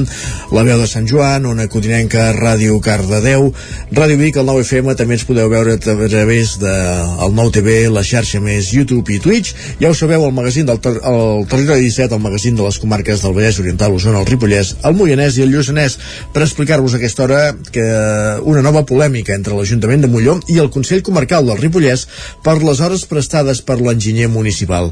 Isaac Muntades, des de la veu de Sant Joan. El divorci polític al Consell Comarcal entre Joaquim Colomer i la majoria del grup de Junts després del cas Twittergate, que va esclatar l'Ajuntament de Ripoll, es va fer visible una darrera vegada en l'última sessió plenària del mandat d'aquest dimarts de l'ENS supramunicipal. L'equip de govern va rebutjar abonar un reintegrament de 1.300 euros a l'Ajuntament de Molló, del qual n'és alcalde el porteu de Junts al Consell, Josep Coma, per la prestació del servei d'assistència tècnica de l'enginyer municipal, una tasca que des de Molló creuen que n'ha cobert totes les hores per les quals es va contractar el servei. Tot i això, la proposta va tirar endavant amb els únics vots de l'equip de govern format pels consellers no escrits Joaquim Colomer, que alhora és el president, i Dolors Costa i els consellers del PSC i el de Més. Esquerra, els cinc consellers restants de Junts de fora del govern i la CUP es van abstenir. Com va recordar que Molló és un municipi petit que no tenen prou personal tècnic i han de contractar aquests serveis al Consell. En principi es van pactar un nombre determinats d'hores anuals, però van detectar que moltes menys ja feien perquè hi havia mesos que l'enginyer municipal no tenia feina. La sorpresa, segons explicava com és que el Consell Comarcal no va voler negociar la compensació de les hores que no s'havien fet perquè es gastessin aquest 2023. Coma ja avançava que estudiaven duro el contenciós administratiu perquè hi havia defectes de forma en la taxa, l'ordenança i les liquidacions que trencava la confiança entre els ajuntaments i el Consell. I si no hi havia feina, no, no té sentit que vingui un enginyer que s'estigui 4 hores de braços plegats. Per tant, el que proposàvem era acumular aquestes hores, fer una mena de borsa i que les anés gastant eh, quan hi hagués necessitat. Aquelles hores que nosaltres ja havíem pagat perquè paguem rebuts mensuals que ens va girant al Consell Comarcal i que per tant no hi havia maneres doncs, de compensar aquestes hores, que és el que demanàvem l'Ajuntament, que demanàvem que es compensessin les hores aquest any 2023. I en tot cas, com que no s'han compensat, el que demanem és el retorn d'aquest import. Com explicava que el primer any el van contractar perquè vingués 4 hores cada 15 dies, després 4 hores més el segon any, i els dos darrers només havia vingut entre 30 i 40 hores anuals, al voltant de mig any de serveis prestats. El president del Consell, Joaquim Colomer, va subratllar que aquests serveis es contracten fent una previsió d'allò que es creu que es gastarà. Des del Consell Comarcal el que fem doncs, a principis d'any eh, és dir amb els ajuntaments quin servei volen, si volen enginyers, si volen arquitectes, si volen arquitectes tècnics, el que fem doncs, és demanar-los quant temps volen o quantes hores de servei volen. En funció d'això, doncs, nosaltres comptabilitzem i mirem quins recursos tenim, si n'hem de contractar més o si amb els que tenim ja en fem prou. Per tant, el que no podem fer és quedar amb una cosa a principi i un cop han passat doncs, aquest temps canviar la borsa, perquè si no ens trobaríem al final que tots els ajuntaments de la comarca doncs, ens alterarien. Coloment tenia que es tractava un tema polític perquè en la votació del Consell de Govern, quan encara no s'havia partit per la meitat, les dues vicepresidentes de Junts, Mònica Sant Jaume i Dolors Cambres, van votar-hi a favor. Des d'Esquerra, Sergi Albrico va atribuir el divorci polític i va justificar l'abstenció perquè no volien contribuir en aquesta escenificació de les desavinences. Gràcies, Isaac. Més qüestions eh, del Ripollès anem cap al Moianès, perquè un grup d'alumnes de primària del Moianès comença una travessa per crear una guia, una guia sobre la comarca. Roger Rams, zona codinenca. Sí, aquest projecte vol treballar diverses competències curriculars a partir de l'organització de la ruta per part dels mateixos alumnes de les escoles rurals de Collsospina, Sant Quirze, Safaja i l'Estany. Ells mateixos han preparat tot el necessari per fer el camí des de reservar els allotjaments i organitzar els àpats de la jornada, així com també aconseguir el material que necessiten per fer aquesta guia del Moianès. Toni Coma Joan és el director de l'escola ZER Moianès Llevant. Mira, el muntatge és bastant complex, però ho fan tots els alumnes. Nosaltres partim aquí que, com gairebé un projecte d'emprenedoria pels alumnes, ja que ells mateixos han muntat els horaris, han muntat els menús del que es menjaran, han buscat i han fet les instàncies per anar a dormir als, als diferents llocs que hagin d'anar. Vull dir, hi ha hagut molts mestres a darrere, però vull dir, els hem anat acompanyant perquè ells facin el màxim real possible com organitzar cinc dies de campaments. La ruta la fan alumnes de quart, cinquè i sisè de primària. Aquest dilluns van sortir de l'estany direcció Collsospina i estan travessant Mollà i Castellterçol i està previst que arribin aquest divendres a Sant Quirze Safaja, on celebraran la trobada de l'escola rural de tots tres municipis amb els companys dels cursos més petits. Allà vindran tots els alumnes de la ZER, o sigui, vindran des de llar d'infants fins infantil i la resta de primària, ens trobem tots allà, uns 120 alumnes.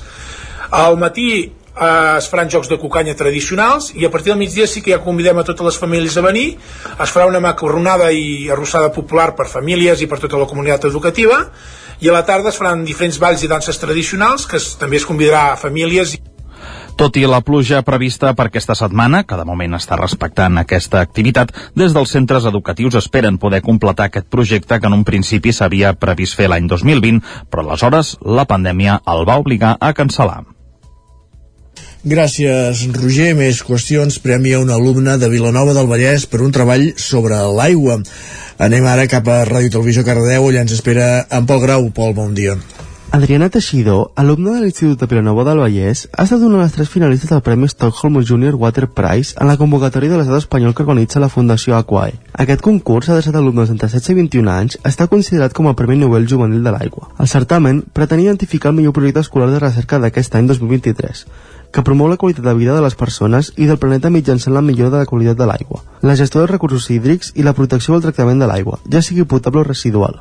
En aquest sentit, el projecte L'Adriana ha estat un dels tres investigacions finalistes reconegudes pel jurat a la final celebrada recentment a Madrid. El treball es titula La mort de plàstic, relació entre la concentració de plàstics i la derivada litoral a la costa catalana, on per aquesta recerca s'ha dut a terme un anàlisi de diverses mostres de sorra de tres platges de catalanes. A partir de l'anàlisi dels plàstics de cada recipient de sorra, en l'estudi s'han identificat les tipologies de plàstics més comunes i s'han treballat per reduir la relació directa entre la deriva litoral i la concentració de residus plàstics. La Fundació Aquae, impulsada per Akbar, organitza des de fa 8 anys la convocatòria estatal d'Espanya de l'Stockholm Junior Water Prize.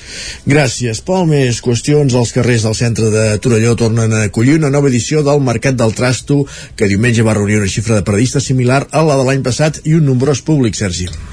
Ninots de peluix, jocs de taula, copes, mars, sabates, bicicletes, roba... Als carrers del centre de Torelló aquest diumenge al matí hi havia objectes de tot tipus que feien nosa a casa d'algú, però que per alguns altres encara tenen utilitat. Es trobaven entre les 500 parades que es van instal·lar amb motiu del Mercat del Trasto. En parla la, la presidenta de l'Associació dels Deixebles de Sant Feliu, Aina Cubi. El perfil de sempre, gent de Torelló, del poble, famílies que es volen treure trastos de casa, també més gent jove que vol fer-se alguns diners així, algun dineret extra, no? I llavors gent de fora que ve, bueno, pues, a comprar i coses de segona mà. Al matí hi ha gent que va buscar allò que va buscar algú concret, no? Una bicicleta o un carro. I llavors ara hi ha gent que ve a, fer a passejar, fer el vermut, els visitants podien triar i remenar i també participar al concurs que proposava l'Escola d'Arts Plàstiques de buscar cares en els objectes, ho explica Anadot. Fins ara era el concurs de fotopoesia visual, però aquest any n'hi diem fotopareidolia, perquè ens agafem a la pareidolia, que és la capacitat de veure cares en coses, no? La gent que s'inscrigui ha d'anar pel poble mirant les parades del mercat del trasto, els objectes que veu, no? A veure on pot trobar una cara, no? Molt clarament, i li ha d'afegir dos ullets d'aquests i els enganxa i fer, fer una fotografia. Ara fa cinc anys que els deixebles de Sant Feliu van agafar la gestió d'una activitat molt arrelada al poble i que es porta a terme des de fa més de quatre dècades. Més qüestions, Òmnium Cultural d'Osona i el Lluçanès va celebrar diumenge la commemoració del Pacte dels Biguetans a l'ermita de Sant Sebastià i durant l'acte Antoni Anguera ja va passar el relleu i es va conèixer qui serà la persona homenatjada aquest any a la marxa dels Biguetans a principis de setembre. En aquest cas serà Anna Piella.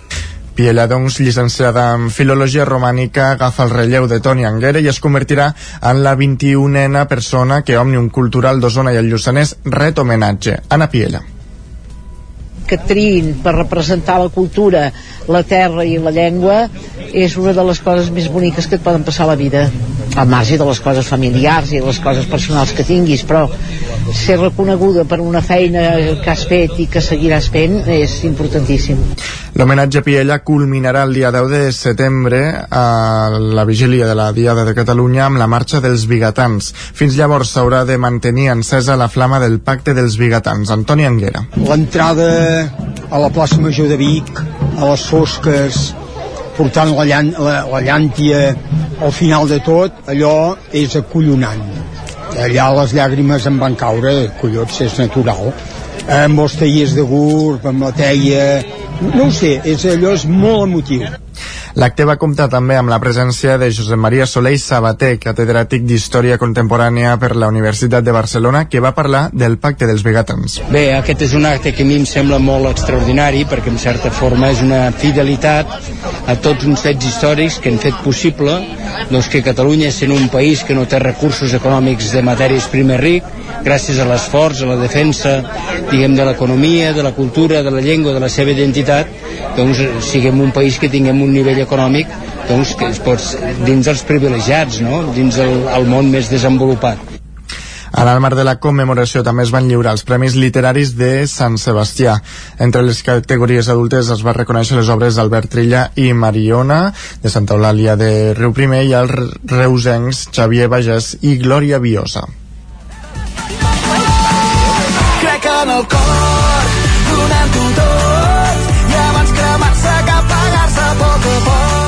I com dèiem fa uns minuts abans de les 10, els catars estrenen cor la seva nova cançó.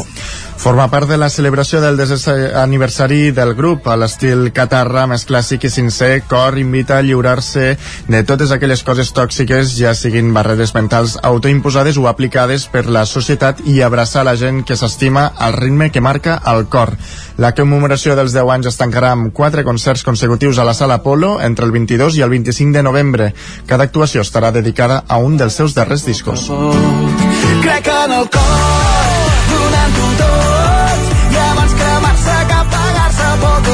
Doncs amb la música dels catarres arribem al moment de donar pas al nostre home del temps. Saludem tot seguit, en Pep Acosta. Casa Terradellos us ofereix el temps. Per tant, és moment de tornar, com dèiem, a una codinenca. Ja ens espera de nou en Pep Acosta per saber el temps que farà avui. Pep, bon dia. Hola, molt bon dia. Avui serà un dia eh, força tranquil aquest matí, molts núvols, eh, molt, molt, molts pocs núvols, perdó, moltes clarianes, eh, gairebé cap, cap núvol. De cara a la tarda, creixement de nuvolades i fins i tot alguna petita precipitació cap a la zona del Montseny. Igual que ahir, eh? Ahir vam tenir pluges molt, molt, molt localitzades, hi ha molt poca cosa, zones de Montseny són les pròximes, mm, molts pocs litres. Avui encara la, la situació és de, de menys litres, eh, segurament, fins i tot eh, plourà una mica menys del que va ploure ahir, eh? per tant seran eh, precipitacions molt poc, molt poc extenses i molt poc intenses, molt, molt, molt poca cosa. Les temperatures eh, avui pujaran una mica, avui farà més, eh, més sol, més hores de sol, eh, menys núvols i per tant les temperatures pujaran moltes màximes entre els 18, 19, 23, 24 graus. Aquest vent de nord eh, fluixarà, no entrarà, no entrarà tant aquest vent de nord, i per tant eh, no hi haurà tampoc aquesta precipitació ja cap a la cara nord del Pirineu. Els pròxims dies eh, eh, es pot eh, col·locar una baixa, una baixa per de casa nostra, uh, però veurem com ens afecta perquè els mapes ballen, hi ha mapes que diuen que s'afectarà bastant hi ha mapes que diuen que s'afectarà poc. Veurem, veurem què acaba passant els pròxims dies. Moltes gràcies, adeu. Gràcies a tu Pep, parlem demà. Casa Tarradellas us ha ofert aquest espai Territori 17 Envia'ns les teves notes de veu per WhatsApp al 646 079 023 646 079 023 WhatsApp. Territori 17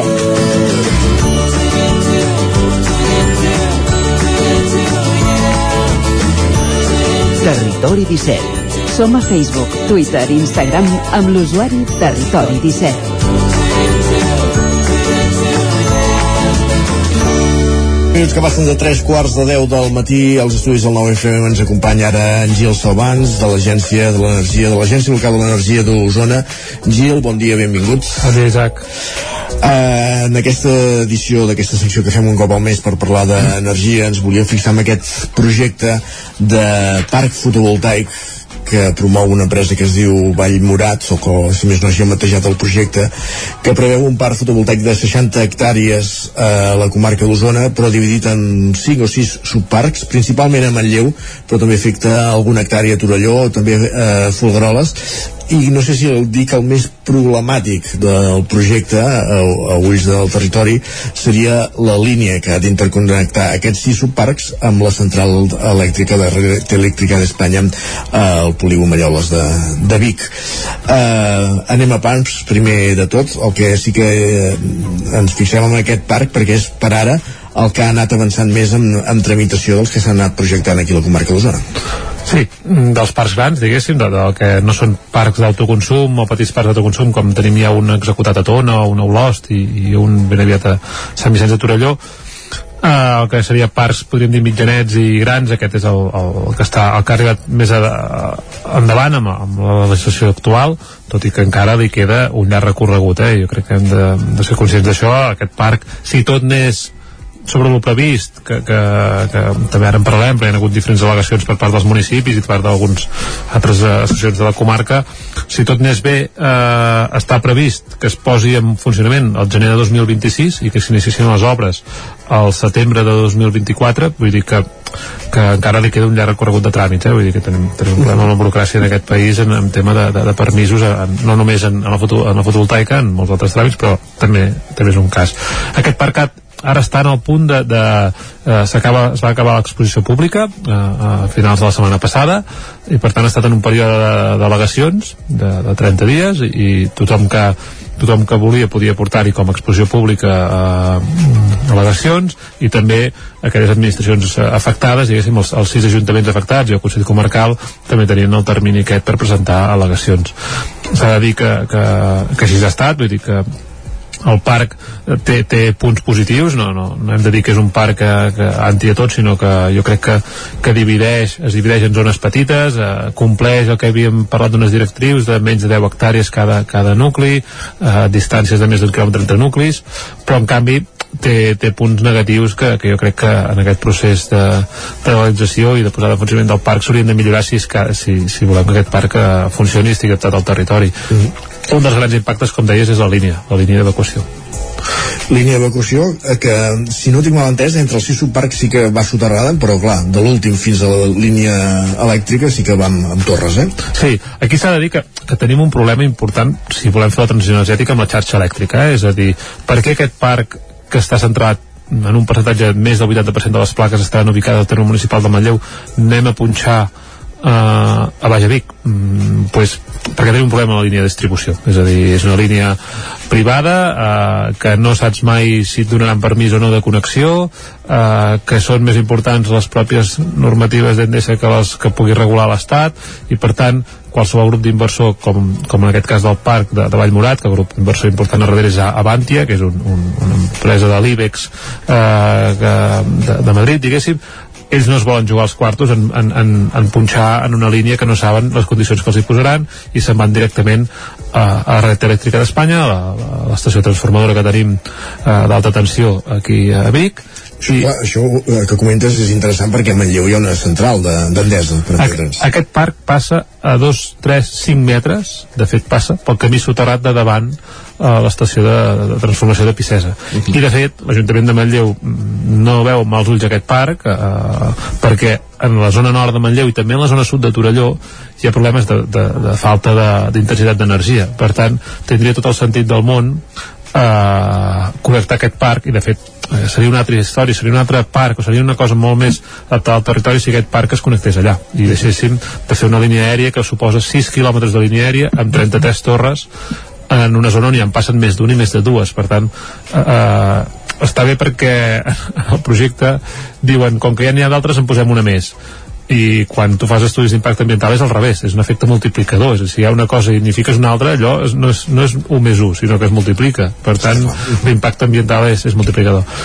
Uh, per tant uh, també tenim aquest punt, eh? és a dir trobem amb, o sigui, les al·legacions uh, s'ha de dir que els ajuntaments han treballat conjuntament coordinats també amb el Consell Comarcal d'Osona uh, uh, hem fet un parell de reunions uh, amb els diferents ajuntaments per a com, com els veien, com, com veien el parc quines, quines les seves inquietuds, preocupacions és veritat que el parc afecta principalment a Manlleu quan, en quant a plaques fotovoltaiques també amb un petit subparc a Folgueroles eh, i però en canvi llavors la seva línia elèctrica passa per, eh, bueno, i a Torelló una petita part, eh, una punta d'una zona eh, la línia elèctrica passa per Masies de Roda, per Gurb eh, també per Manlleu i també una petita part de l'Esquirol per tant tots aquests municipis ens hem coordinat amb el Consell Comarcal de l'Agència d'Energia s'han preparat un model d'al·legacions conjuntes més un annex de cada especificitat de cada municipi perquè cadascun té el seu planejament, l'afecta de la seva manera però sí que hi ha hagut un seguit d'al·legacions que les hem fet conjuntes molt enfocades cap al que parlàvem ara, eh? buscar alternativa de connexió, no haver d'anar a connectar a, a, a 7 quilòmetres en línia recta de, l'última estació eh, hi ha alternativa a Manlleu o com mínim com és que no posen una alternativa en un projecte? Perquè quan, quan presentes un projecte d'aquest tipus eh, has de presentar alternatives. O poso les plaques aquí perquè si les poso allà no, és menys impacte el que sigui. O passo aquesta línia perquè en canvi no hi ha alternativa en el projecte trobem falta alternativa. Si no hi hagués alternativa de, de connexió una línia vermella per nosaltres és la, és la línia aèria. Jo crec que s'hauria de soterrar aquesta línia sí o sí i després també hi ha tot un tema de, de les ubicacions de les parcel·les. Eh, n'hi ha algunes, no totes però n'hi ha algunes, sobretot a la Fogueroles i alguna de Manlleu, que afecta zones de, del valor agrícola. I aquí sí que la normativa de la Generalitat eh, les ordres que ha anat donant i, i, i el que ha anat elaborant són molt bueno, tots tenim molt clar que les, les hi ha una categoria del sol agrícola que com més alt és la categoria o sigui la categoria 1 i 2 és de gran valor agrícola i es va baixant. Uh -huh. i la Generalitat sempre ha dit que categories 1 i 2 no s'hi poden posar plaques.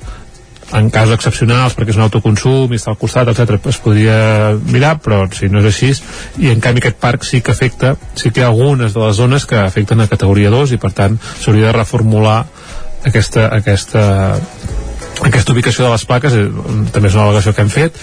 Eh, veurem, veurem com acaben les al·legacions veurem també ara, o sigui, al mateix moment que des d'aquí el territori es fa al·legacions també els diferents departaments de la Generalitat estan analitzant el parc eh? és a dir, aquest parc el que va arribar és la suficiència d'informació. És a dir, la Generalitat va dir ja tinc tota la informació per saber si et puc donar o no el permís per tirar endavant.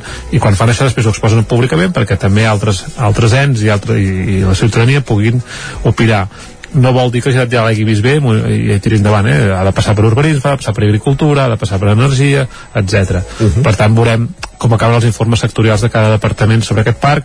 Jo crec que el tema del valor agrícola de categoria 2 segurament sortirà d'algun altre departament també i, i llavors veurem si els hi fan proposar alternatives o, o què passa amb aquest tema.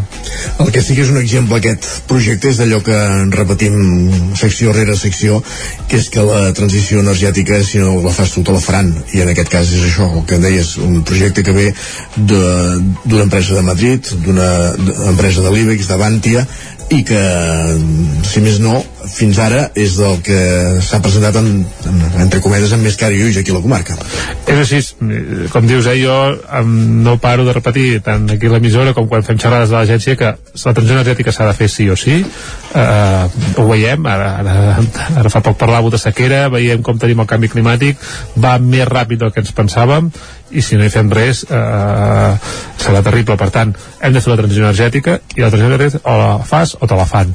En aquest cas a tots ens voldríem que aquest parc fos una inversió de la pròpia comarca eh, eh, però mira, ells han anat, han anat per feina han, tenen els drets d'accés i els drets de, de, de la xarxa des d'aquí de moment no hem sigut capaços de mobilitzar mm, projectes una mica importants sí que hi ha projectes d'autoconsum d'empreses de, de la comarca però eh, no hem fet cap projecte important. Esperem que també a l'arribada de les comunitats energètiques puguin executar certs petits projectes al territori.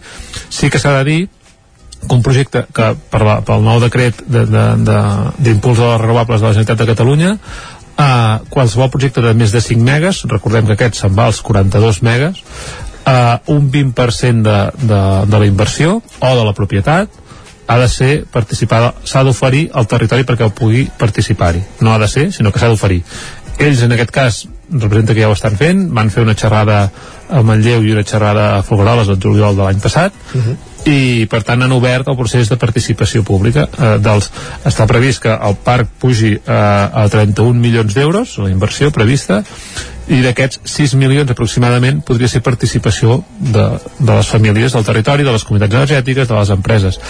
Uh, ells uh, en la presentació que ofereixen o que van oferir és que qualsevol ciutadà que porti dos anys empadronat a la comarca d'Osona pugui participar-hi, igual que les empreses, o que participis en una comunitat energètica, i aquest donen és que la teva inversió que col·loquis en el parc, si poses 500 euros, 1.000 euros, és igual, si que és un mínim de 100 euros i el màxim era bastant alt, eh, et donen un 5% de tir a 15 anys vale? això sí que ja ho han ofert per tant el procés d'oferiment ja està fet ara falta veure si el parc tira endavant si tira endavant en aquestes condicions o, o com acaba eh? però vull dir que estan complint el marc legal establert a Catalunya i, i aquest parc com deies, és el del més evolucionat que tenim ara mateix sobre, sobre el territori. Perquè el que també hi ha són acords amb propietaris, de fet, no?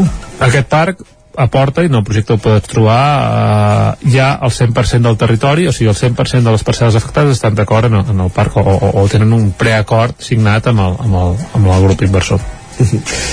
Doncs és el parc de, de Vall Morat eh, que eh, està projectant que s'ha projectat a la comarca d'Osona que està en tota aquesta tramitació. Ara s'han de resoldre al·legacions, s'han de fer els informes dels diferents departaments de la Generalitat que tenen en compte, però que a grans trets són aquestes xifres que donàvem. 60 hectàrees de sol ocupat per plaques solars principalment afecta a Manlleu. Mm, també toca Torelló, però Torelló sembla que és mig hectàrees, si no recordo malament i Folgueroles i, i que té aquesta afectació que segurament que és el, el, les dues coses més greus que, que apuntava en Gil, que són eh, el fet que, que toqui zona agrícola d'alt valor, de nivell 2 en dos casos, i la línia elèctrica per interconnectar el parc amb l'estació de red elèctrica d'Espanya a Vic, tenint en compte que la mateixa línia subterrània que comunica dos d'aquests subparcs passa a tocar de la línia de, de l'antiga Pisesa de Fex Endesa a Manlleu. Sí, sí, sí, sí. Ho anirem seguint perquè com dèiem s'han d'anar resolent eh, al·legacions, s'han d'anar cremant capítols i anirem veient com, com evoluciona aquest parc, si es fan modificacions i si, si avança perquè seria el primer gran parc fotovoltaic a la comarca d'Osona. Hi, hi ha un altre punt, ja molt ràpid, sí, també, sí. Eh, si, el, si algú vol consultar-ho, la, la Generalitat va, va treure unes, unes propostes de com adaptar els parcs fotovoltaics al territori i, i allà ficava una, propostes de millora, eh? i hi havia una de les propostes que deia que, que cap parc estigués situat a menys de, sembla que són 200 metres o 300 metres d'una masia catalogada. I en el cas, per exemple, de, de la Somsona de Fogroles, envolta una masia catalogada, per tant, no compleix tampoc les recomanacions de la Generalitat en aquest punt. Vull dir que el nou FM, la ràdio de casa, al 92.8. Ajuntament de Gurb. El divendres 19 de maig no et perdis Meta, un espectacle de teatre documental per parlar de la tragèdia a l'estret de Gibraltar i el patiment de les persones que lluiten per creuar-lo. Ibrahim Adialo posa veu a aquest drama amb un monòleg colpidor que acabarà amb un debat postfunció amb el públic. Divendres 19 de maig, a dos quarts de nou del vespre, a la sala del Molí de l'Esperança de Gur. Entrades a taquilla. A Bailan sabem que quan té una avaria a la seva caldera vol una solució ràpida. Truqui al servei tècnic oficial Bailan i els nostres tècnics vindran ràpidament a solucionar-li el problema. A més, si canvieu ara la caldera, us regalem fins a 250 euros. Truqueu al 910 77 88 77 o entreu a bailan.es. Per moure't, lloga un cotxe ALR. Per moure la família, lloga un minibús ALR. Per moure coses, lloga una furgoneta ALR. Per moure la casa, lloga un camió ALR. Lloguer de cotxes, furgonetes i camions ALR. Ens trobaràs al carrer Francesc Sant Climent 83 de Vic i també a Olot i Manresa. Informa't en el 93 888 60 57 o bé consulta el web alr.cat. A Boi Galtés trobaràs tot el que necessites relacionat amb l'equitació, t'assessorem i t'equipem amb tot el que et faci falta. Som especialistes. No ho dubtis i vine a Boi Galtés. Ens trobaràs al carrer Jaume I de Vic, número 5, al 93 886 1420. A la nostra web www.boigaltés.es i també som a Instagram boigaltés.equitació. Ser a prop vol dir veure les coses més bé. Apropa't al que t'interessa amb la xarxa Més. La teva plataforma audiovisual de qualitat, proximitat i gratuïta. Gaudeix dels continguts de més de 30 televisions locals i podcast quan, com i on tu vulguis. Entra a la xarxa més.cat i descarrega't l'app. Cocodril Club. Si t'agrada la bona música dels anys 60, 70 i 80, escolta el 9 FM als matins de dissabtes i diumenges d'11 a 1. És el temps del Cocodril Club, tot un clàssic de la ràdio, amb les bases del pop-rock, les llegendes, les cançons que s'han convertit en autèntics himnes. Recorda, dissabtes i diumenges al matí, d'11 a 1, al 9 FM 92.8. Cocodril Club, el programa revival de l'Albert Malla. Hasta Anuncia't al 9FM. La màquina de casa. 9 3 8 8 9 4 9 4 9. Publicitat arroba al 9FM.cat. Anuncia't al 9FM. La publicitat més eficaç. El 9FM, el 9FM, el 9FM, el 9FM, el 9FM. En punt dos quarts d'onze al territori 17.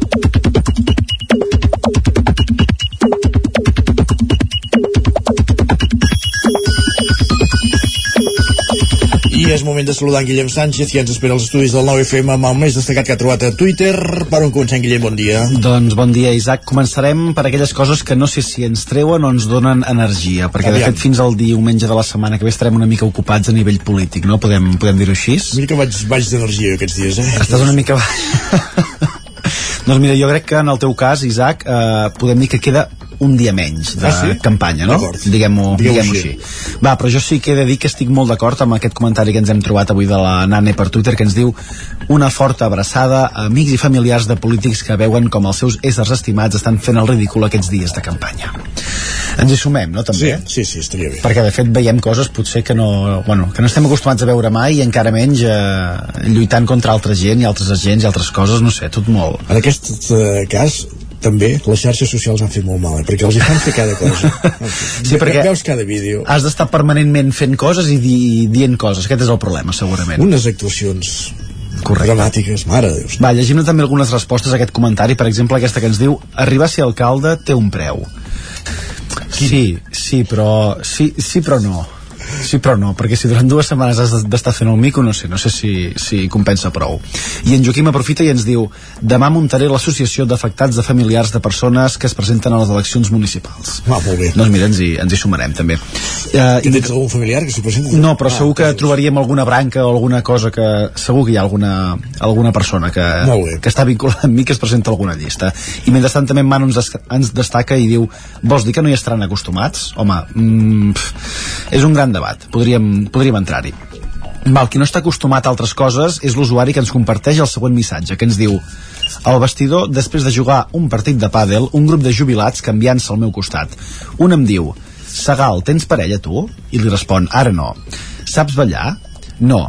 I em diuen, doncs ara entenc per què no en tens. Diu, no m'esperava que un paio random em donés consells amorosos, però si ha de servir, n'aprendrem una mica. Doncs cap a ballar. Uh, alguna experiència que vulguis compartir, Isaac, no, no, en el món de, del ball o de... pensa que després de ballar el, el, el següent pas és fer un vídeo per, de candidat a les eleccions.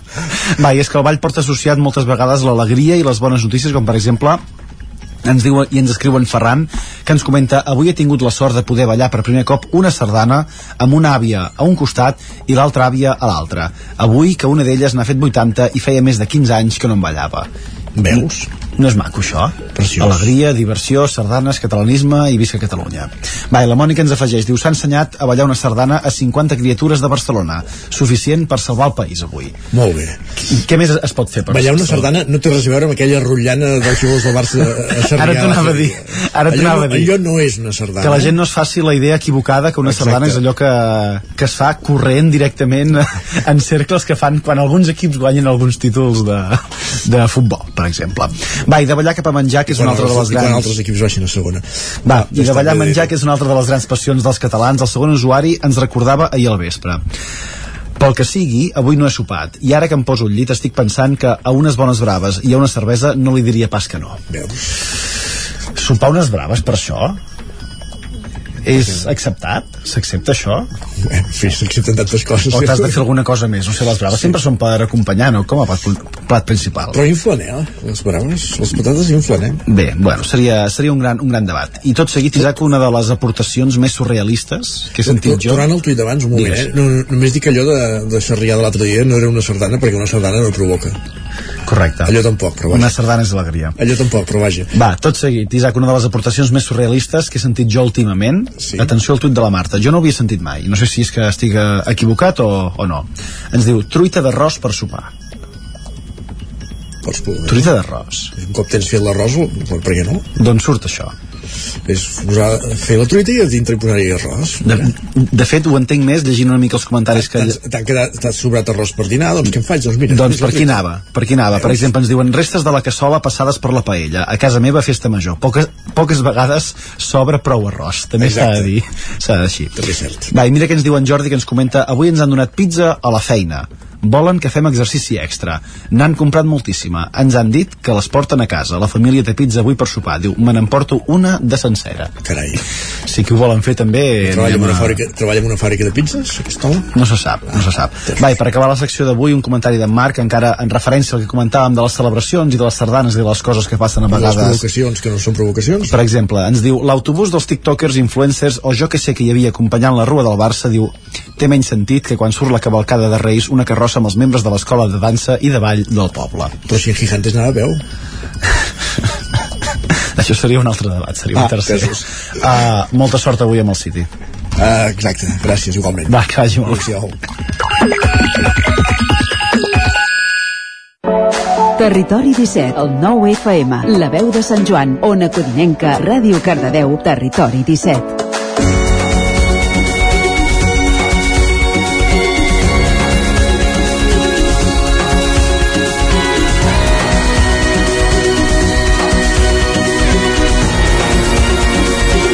I ara al territori 17 és moment de saludar també en Jordi Soler, ens acompanya també als estudis del 9FM eh, amb una nova edició de l'Alegria Interior. Jordi, benvingut, bon dia. Molt bon dia.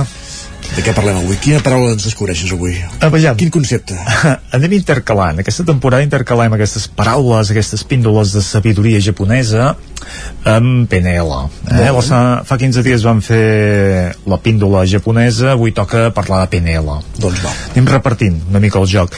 I, i parlarem precisament d'una de les primeres tècniques que es va aplicar a la programació neurolingüística. Eh? El Richard Wagner i el John Grinder, els sí. dos promotors inicials no? d'aquesta nova manera d'afrontar situacions que, que no s'ajusten al que nosaltres volem ells van començar precisament amb el que és el reenquadrament reenquadrament d'una situació d'una situació que no ens agrada eh? i per fer aquest camí del lloc on estem o el lloc on volem estar ells eh, parteixen de dues pressuposicions importants. Una és que tenim tots els recursos. Mm -hmm. dir, que si estem allà on estem eh, tenim l'oportunitat o l'opció de canviar sempre quan vulguem o hi hagi aquesta voluntat perquè els recursos els tenim. La forma d'arribar en aquest destí està al nostre abast. Aquesta és una pressuposició. I una altra és de que a darrere de qualsevol conducta, i això n'hem parlat algunes vegades, sempre, sempre hi ha una intenció positiva que passa que ens costa de- d'identificar-la perquè el resultat no és positiu i, i confonem una mica. Una cosa és la intenció que tenim, que és positiva, amb l'efecte que pugui dur aquella conducta, que a vegades no és positiu, que és negatiu. Un senyor que fa que, que, que roba, doncs, evidentment, ell té una intenció positiva. Ah, sí? el, resultat és negatiu, evidentment, per, sobretot per la persona que rep el furt. Exacte, no? per ell potser no, clar. Però dius, home, una cosa que està mal feta, que està penalitzada, que però esclar, evidentment que hi ha una intenció que empenya a fer allò i que per la persona que ho fa doncs és una visió molt diferent de la persona que ho rep. Però aquesta intenció positiva cal identificar-la perquè moltes vegades va en contra nostra. Fem quelcom que no ens agrada fem quelcom que no ens beneficia però no obstant, darrere hi ha una intenció positiva. I no la reconeixem. I això és el que potser és el prim principal entrebanc que ens impedeix mm, desfer eh, aquest nus no? Per tant, el reenquadrament té per objecte trobar els recursos necessaris per canviar el context que va provocar el comportament que identifiquem com a conflictiu. Eh? Vull dir que és una situació que no acabem de veure, però que ens obstrueix, que ens fa estar malament, saber-la veure d'una altra manera, eh? saber-la mm, reenquadrar, saber-la reenfocar per alliberar-nos ja d'aquest obstacle i poder seguir endavant, no? Un reenquadrament pot ser tant del contingut, el que ens provoca doncs, aquest bloqueig, com del context en el que estem. Ells tenen, mm, el John Grinder i el Richard Butler, una tècnica que és la primera que van aplicar, eh? el reenquadrament en sis passos. Aquest eh, es van basar una mica en el treball del Milton Erickson, de la Virginia Satir, eh, que van ser un dels seus eh, principals, eh, bueno, van ser les principals fonts d'informació i d'inspiració en el seu treball, que treballaven amb les parts, eh? vull dir, saber des de dins nostre accedir a aquesta part que ens boicoteja. Llavors aquest reenquadrament es basa en un diàleg cap a aquesta part eh? i ells ho proposen allò dir sentem a la persona que està disposada eh? hi ha d'haver una voluntat la persona que està disposada a fer un treball de reenquadrament uh -huh. d'entrada hi ha aquesta voluntat doncs eh, ells l'acompanyen en aquesta primera sessió que després va servir com a model per, per tota la gent que practica programació neurolingüística doncs eh, ser un recurs més eh, per, per, per desfer doncs, eh, bloquejos. La, el primer pas és assentant-se relaxant-se eh, estar en un estat de quasi bé estat alfa, eh? allò de molta relaxació, vull dir que el pas següent ja quasi bé seria estar en un estat de, de, de, de trance, allò, un estat d'hipnosi.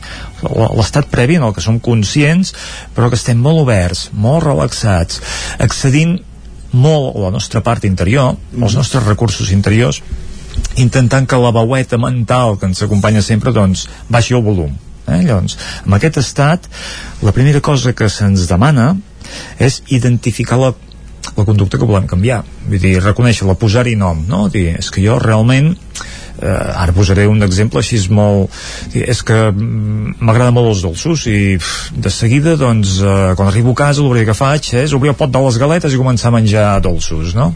aquesta és la part diguéssim que vull canviar perquè sé que això no em beneficia i ho tinc identificat que passa que no sé com fer-ho, perquè és una cosa que és superior a mi. Eh? Normalment les eh, conductes addictives eh, són aspectes nostres que, que ens superen.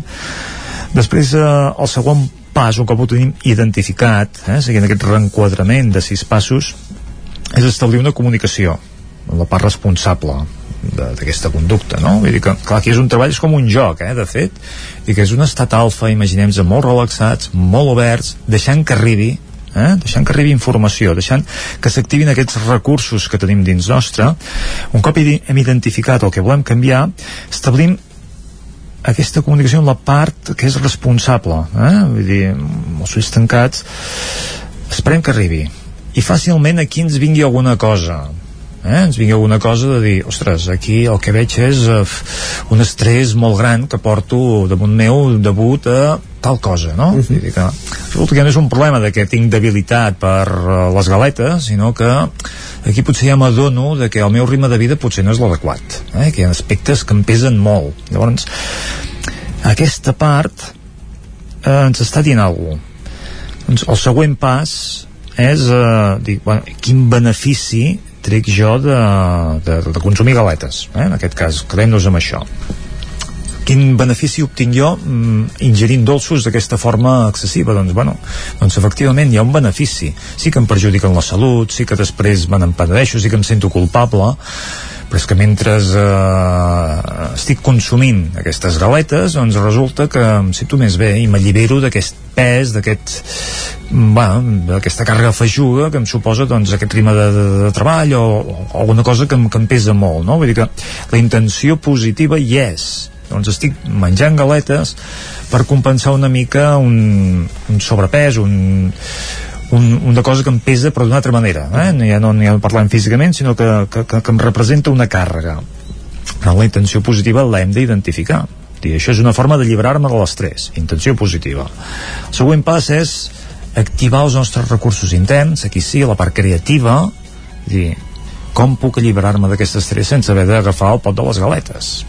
Aquí sí que hi ha un treball de dir de quines altres maneres puc aconseguir jo despreocupar-me o treure'm que no sigui doncs eh, anant a aquesta petita addicció no? Uh -huh.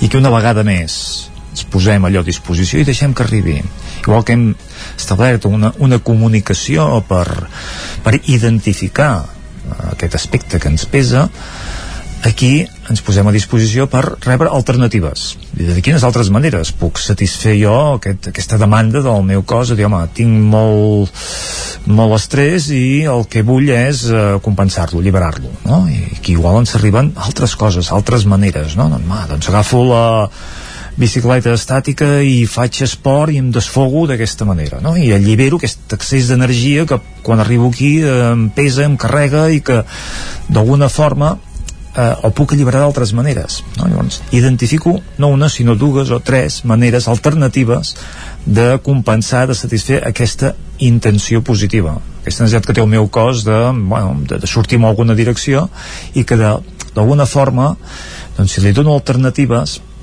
és fàcil de que, bueno, de que em deixi una mica aquesta petita addicció que, que tenia proposem allò d'activar alguna d'aquestes alternatives a veure sí. com, com ens veiem un cop eh, hem aplicat això, veiem la resposta, hem de supervisar-ho amb l'aspecte ecològic. Això és compatible amb la meva vida? Vull dir, molt, molt bé, vull fer esport, puc fer aquest esport? Si vull jugar a tenis cada dia, puc jugar a tenis cada dia? Si això s'acompleix, èxit hem fet, diguéssim, un treball exitós. Si no, es repetim els passos fins a trobar una alternativa i reenquadrar, reveure, no? reorientar una mica aquesta dèria nostra d'una forma que no ens perjudiqui.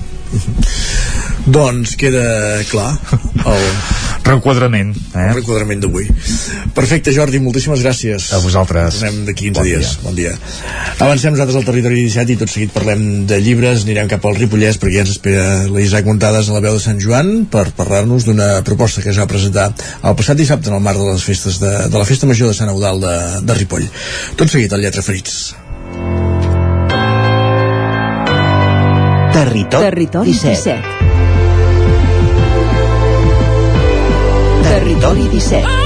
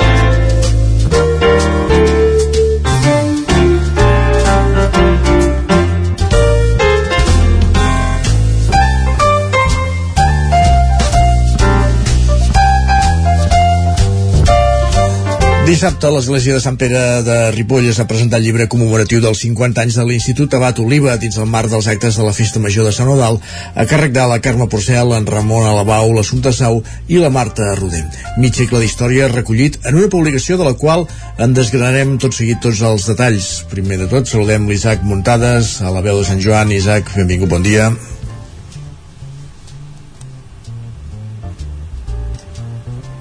de Ripoll tenim al telèfon a dues persones que l'han fet possible, la Carme Porcel i la Nancy Rodrigo. Bon dia, Carme, i moltes gràcies eh, també a tu, Nancy, per ser aquí amb nosaltres al Territori 17. Bon dia i gràcies, gràcies a vosaltres. Gràcies, bon dia. Uh, per començar, el llibre sobretot és un recull de, de testimonis, no sé quants n'hi ha perquè em sembla que són força nombrosos, quins perfils tenen i no sé si us ha costat molt, molt trobar-los i que la gent doncs, hagi volgut participar-hi. Ja entenc que ha estat fàcil perquè celebrar els 50 anys de l'Institut Abat Oliva doncs, és una efemèride bastant uh, rellevant i ressenyable, oi? Doncs sí, mira, han sigut 50 testimonis, 50 anys, 50 testimonis, i el perfil és bàsicament exalumnes i exprofessors perquè volíem donar protagonisme al passat, al record. I la predisposició, doncs, la veritat és que n'hi ha hagut molta de, predisposició, de predisposició eh? la gent molt il·lusionada i tothom hi ha col·laborat sense cap mena de, bueno, de recança. I, i, i també en el llibre hi podem trobar-hi, bueno, l'hem intentat fer de manera que, que hi hagin grans temes i on aquests testimonis també hi puguin posar-hi uh, la seva, la, el seu pas per, per l'institut, no? I d'aquests temes volíem, volíem compartir eh, els ulls amb vosaltres, amb els oients, i són l'Institut La Comarca, eh, celebració dels 25 anys, festes i concerts, per exemple també els viatges, el teatre, eh, el centre de tecnificació, eh, les revistes dels diferents temps al, al llarg d'aquests 50 anys. Eh, aquests són alguns dels temes que es podran trobar en el llibre. Uh -huh. uh, ara us demanaríem si us podeu mullar una mica perquè aquest, aquest llibre recull uh, testimonis que expliquen fets que recorden de la seva estada a l'institut us demanaríem que us mulleu i en un parell que us hagin cridat l'atenció per alguna cosa Ostres, és que és molt complicat, eh? perquè tots els testimonis són, són molt especials i jo crec que són essencials en el llibre, perquè expliquen vivències i anècdotes de les diferents dècades i és que de veritat no em puc destacar cap. Mira, per, a mi personalment m'han agradat molt els que parlen dels, dels primers anys, dels anys 70 i els anys 80, i, i la veritat és que les històries que hi podreu llegir segur que, bueno, que la gent que hagi passat per l'Institut Abat Oliva recordarà moltíssimes coses, li despertaran moltes coses a la memòria. Ostres, Carme, i el que també destaca molt del llibre, no sé si estaràs d'acord, és la llegenda de, de si aquest institut havia de ser o no havia de ser de, de Sevilla o, de, o, o, o els plans, te'n recordes d'aquesta llegenda que hi havia? Doncs en el llibre, eh, finalment, eh, un dels capítols del llibre és aquest, és eh, explicar que, que no, que els plànols definitivament estaven pensats i projectats per Ripoll i a més a més ens han l'arxiu de, de la, dels arquitectes el Boigues, Mackey i Martorell eh, ens han facilitat els plànols originals i també fotos que, que, bueno, no, que, que estan en el, en el llibre Mm -hmm. Però precisament d'això de, dels plànols, em sembla que és pràcticament al, al principi del llibre, eh, hi ha hagut aquesta llegenda urbana eh, per això durant molts anys, que realment aquest institut havia d'anar a Andalusia, en aquest cas a Sevilla, i que a Sevilla es va construir un institut que havia d'anar a Ripoll. No com és que s'ha que aquesta llegenda ha, persistit per això? Um, bueno, jo diria, jo diria que és perquè, clar, uh, en un lloc on hi fa tan fred, en un lloc de muntanya, un institut que tenia uh, la taulada d'Uralita, tantes finestres, uh, un espai tan obert que la veritat és que costava molt d'escalfar. I llavors la llegenda deia que a Sevilla hi havia un institut que estava fet amb, amb pedra i amb, i amb taulada de, de pissarra. Que això suposo que, que, que no és veritat. Però bàsicament jo diria que, que, que és per això. Ai, Isaac, i deixa'm fer un incís. Um, encara no mhm. sabem mm -hmm perquè de la plaça central se'n diu la plaça, la plaça de, toros. de toros. I mm -hmm. voldríem, voldríem aprofitar per fer una crida des d'aquí a qui pugui tenir informació, qui sàpiga qui va ser el primer que, que, que va batejar aquest espai amb aquest nom tan, tan estrany, no? O estrany, si més no, per aquí, per la zona. Mm -hmm suposar una mica per la, per la forma encara que no sigui circular potser que hi, hi hagi l'espai central i, i per les grades al costat po podria ser, no, no ho sabem eh? és una cosa que fem, fem aquesta crida, queda feta ah, fem, fem per si algú sap Molt bé. Més qüestions en aquest obra, en aquest llibre també es parla de, dels 25 anys de, de l'Institut. No sé si ja hi era a l'Institut i, i com ha canviat des d'aleshores de, des en aquest quart de segle darrer. Doncs jo, jo hi era com a professora i crec que la Nancy era com a alumna en Sí, aquell jo hi era temps. com a alumna, el 97-98, en memòria, 97-98 va ser els 25 anys. La veritat és que va ser, bueno, aquella celebració va ser molt grossa, eh, també. Hi van haver molts actes culturals i jo, jo destacaria que hi va haver una taula rodona on va venir l'arquitecte, el Josep Maria Martorell, eh, que, bueno, i llavors també va parlar relacionat amb la pregunta anterior, va estar parlant, no?, d'aquest mite, d'aquesta llegenda, i va parlar molt de...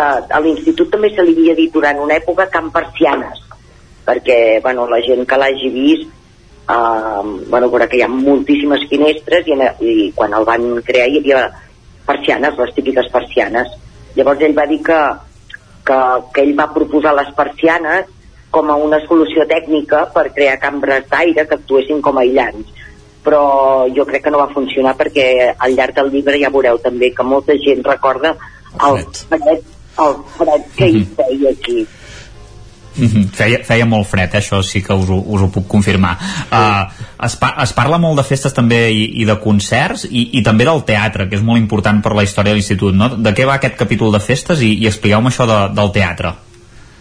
Mira, el, el capítol de, de festes, bueno, potser és la meva part favorita perquè durant molts anys jo o, o, va, o vaig encarregar-me o vaig participar a la comissió de festes de, de l'institut.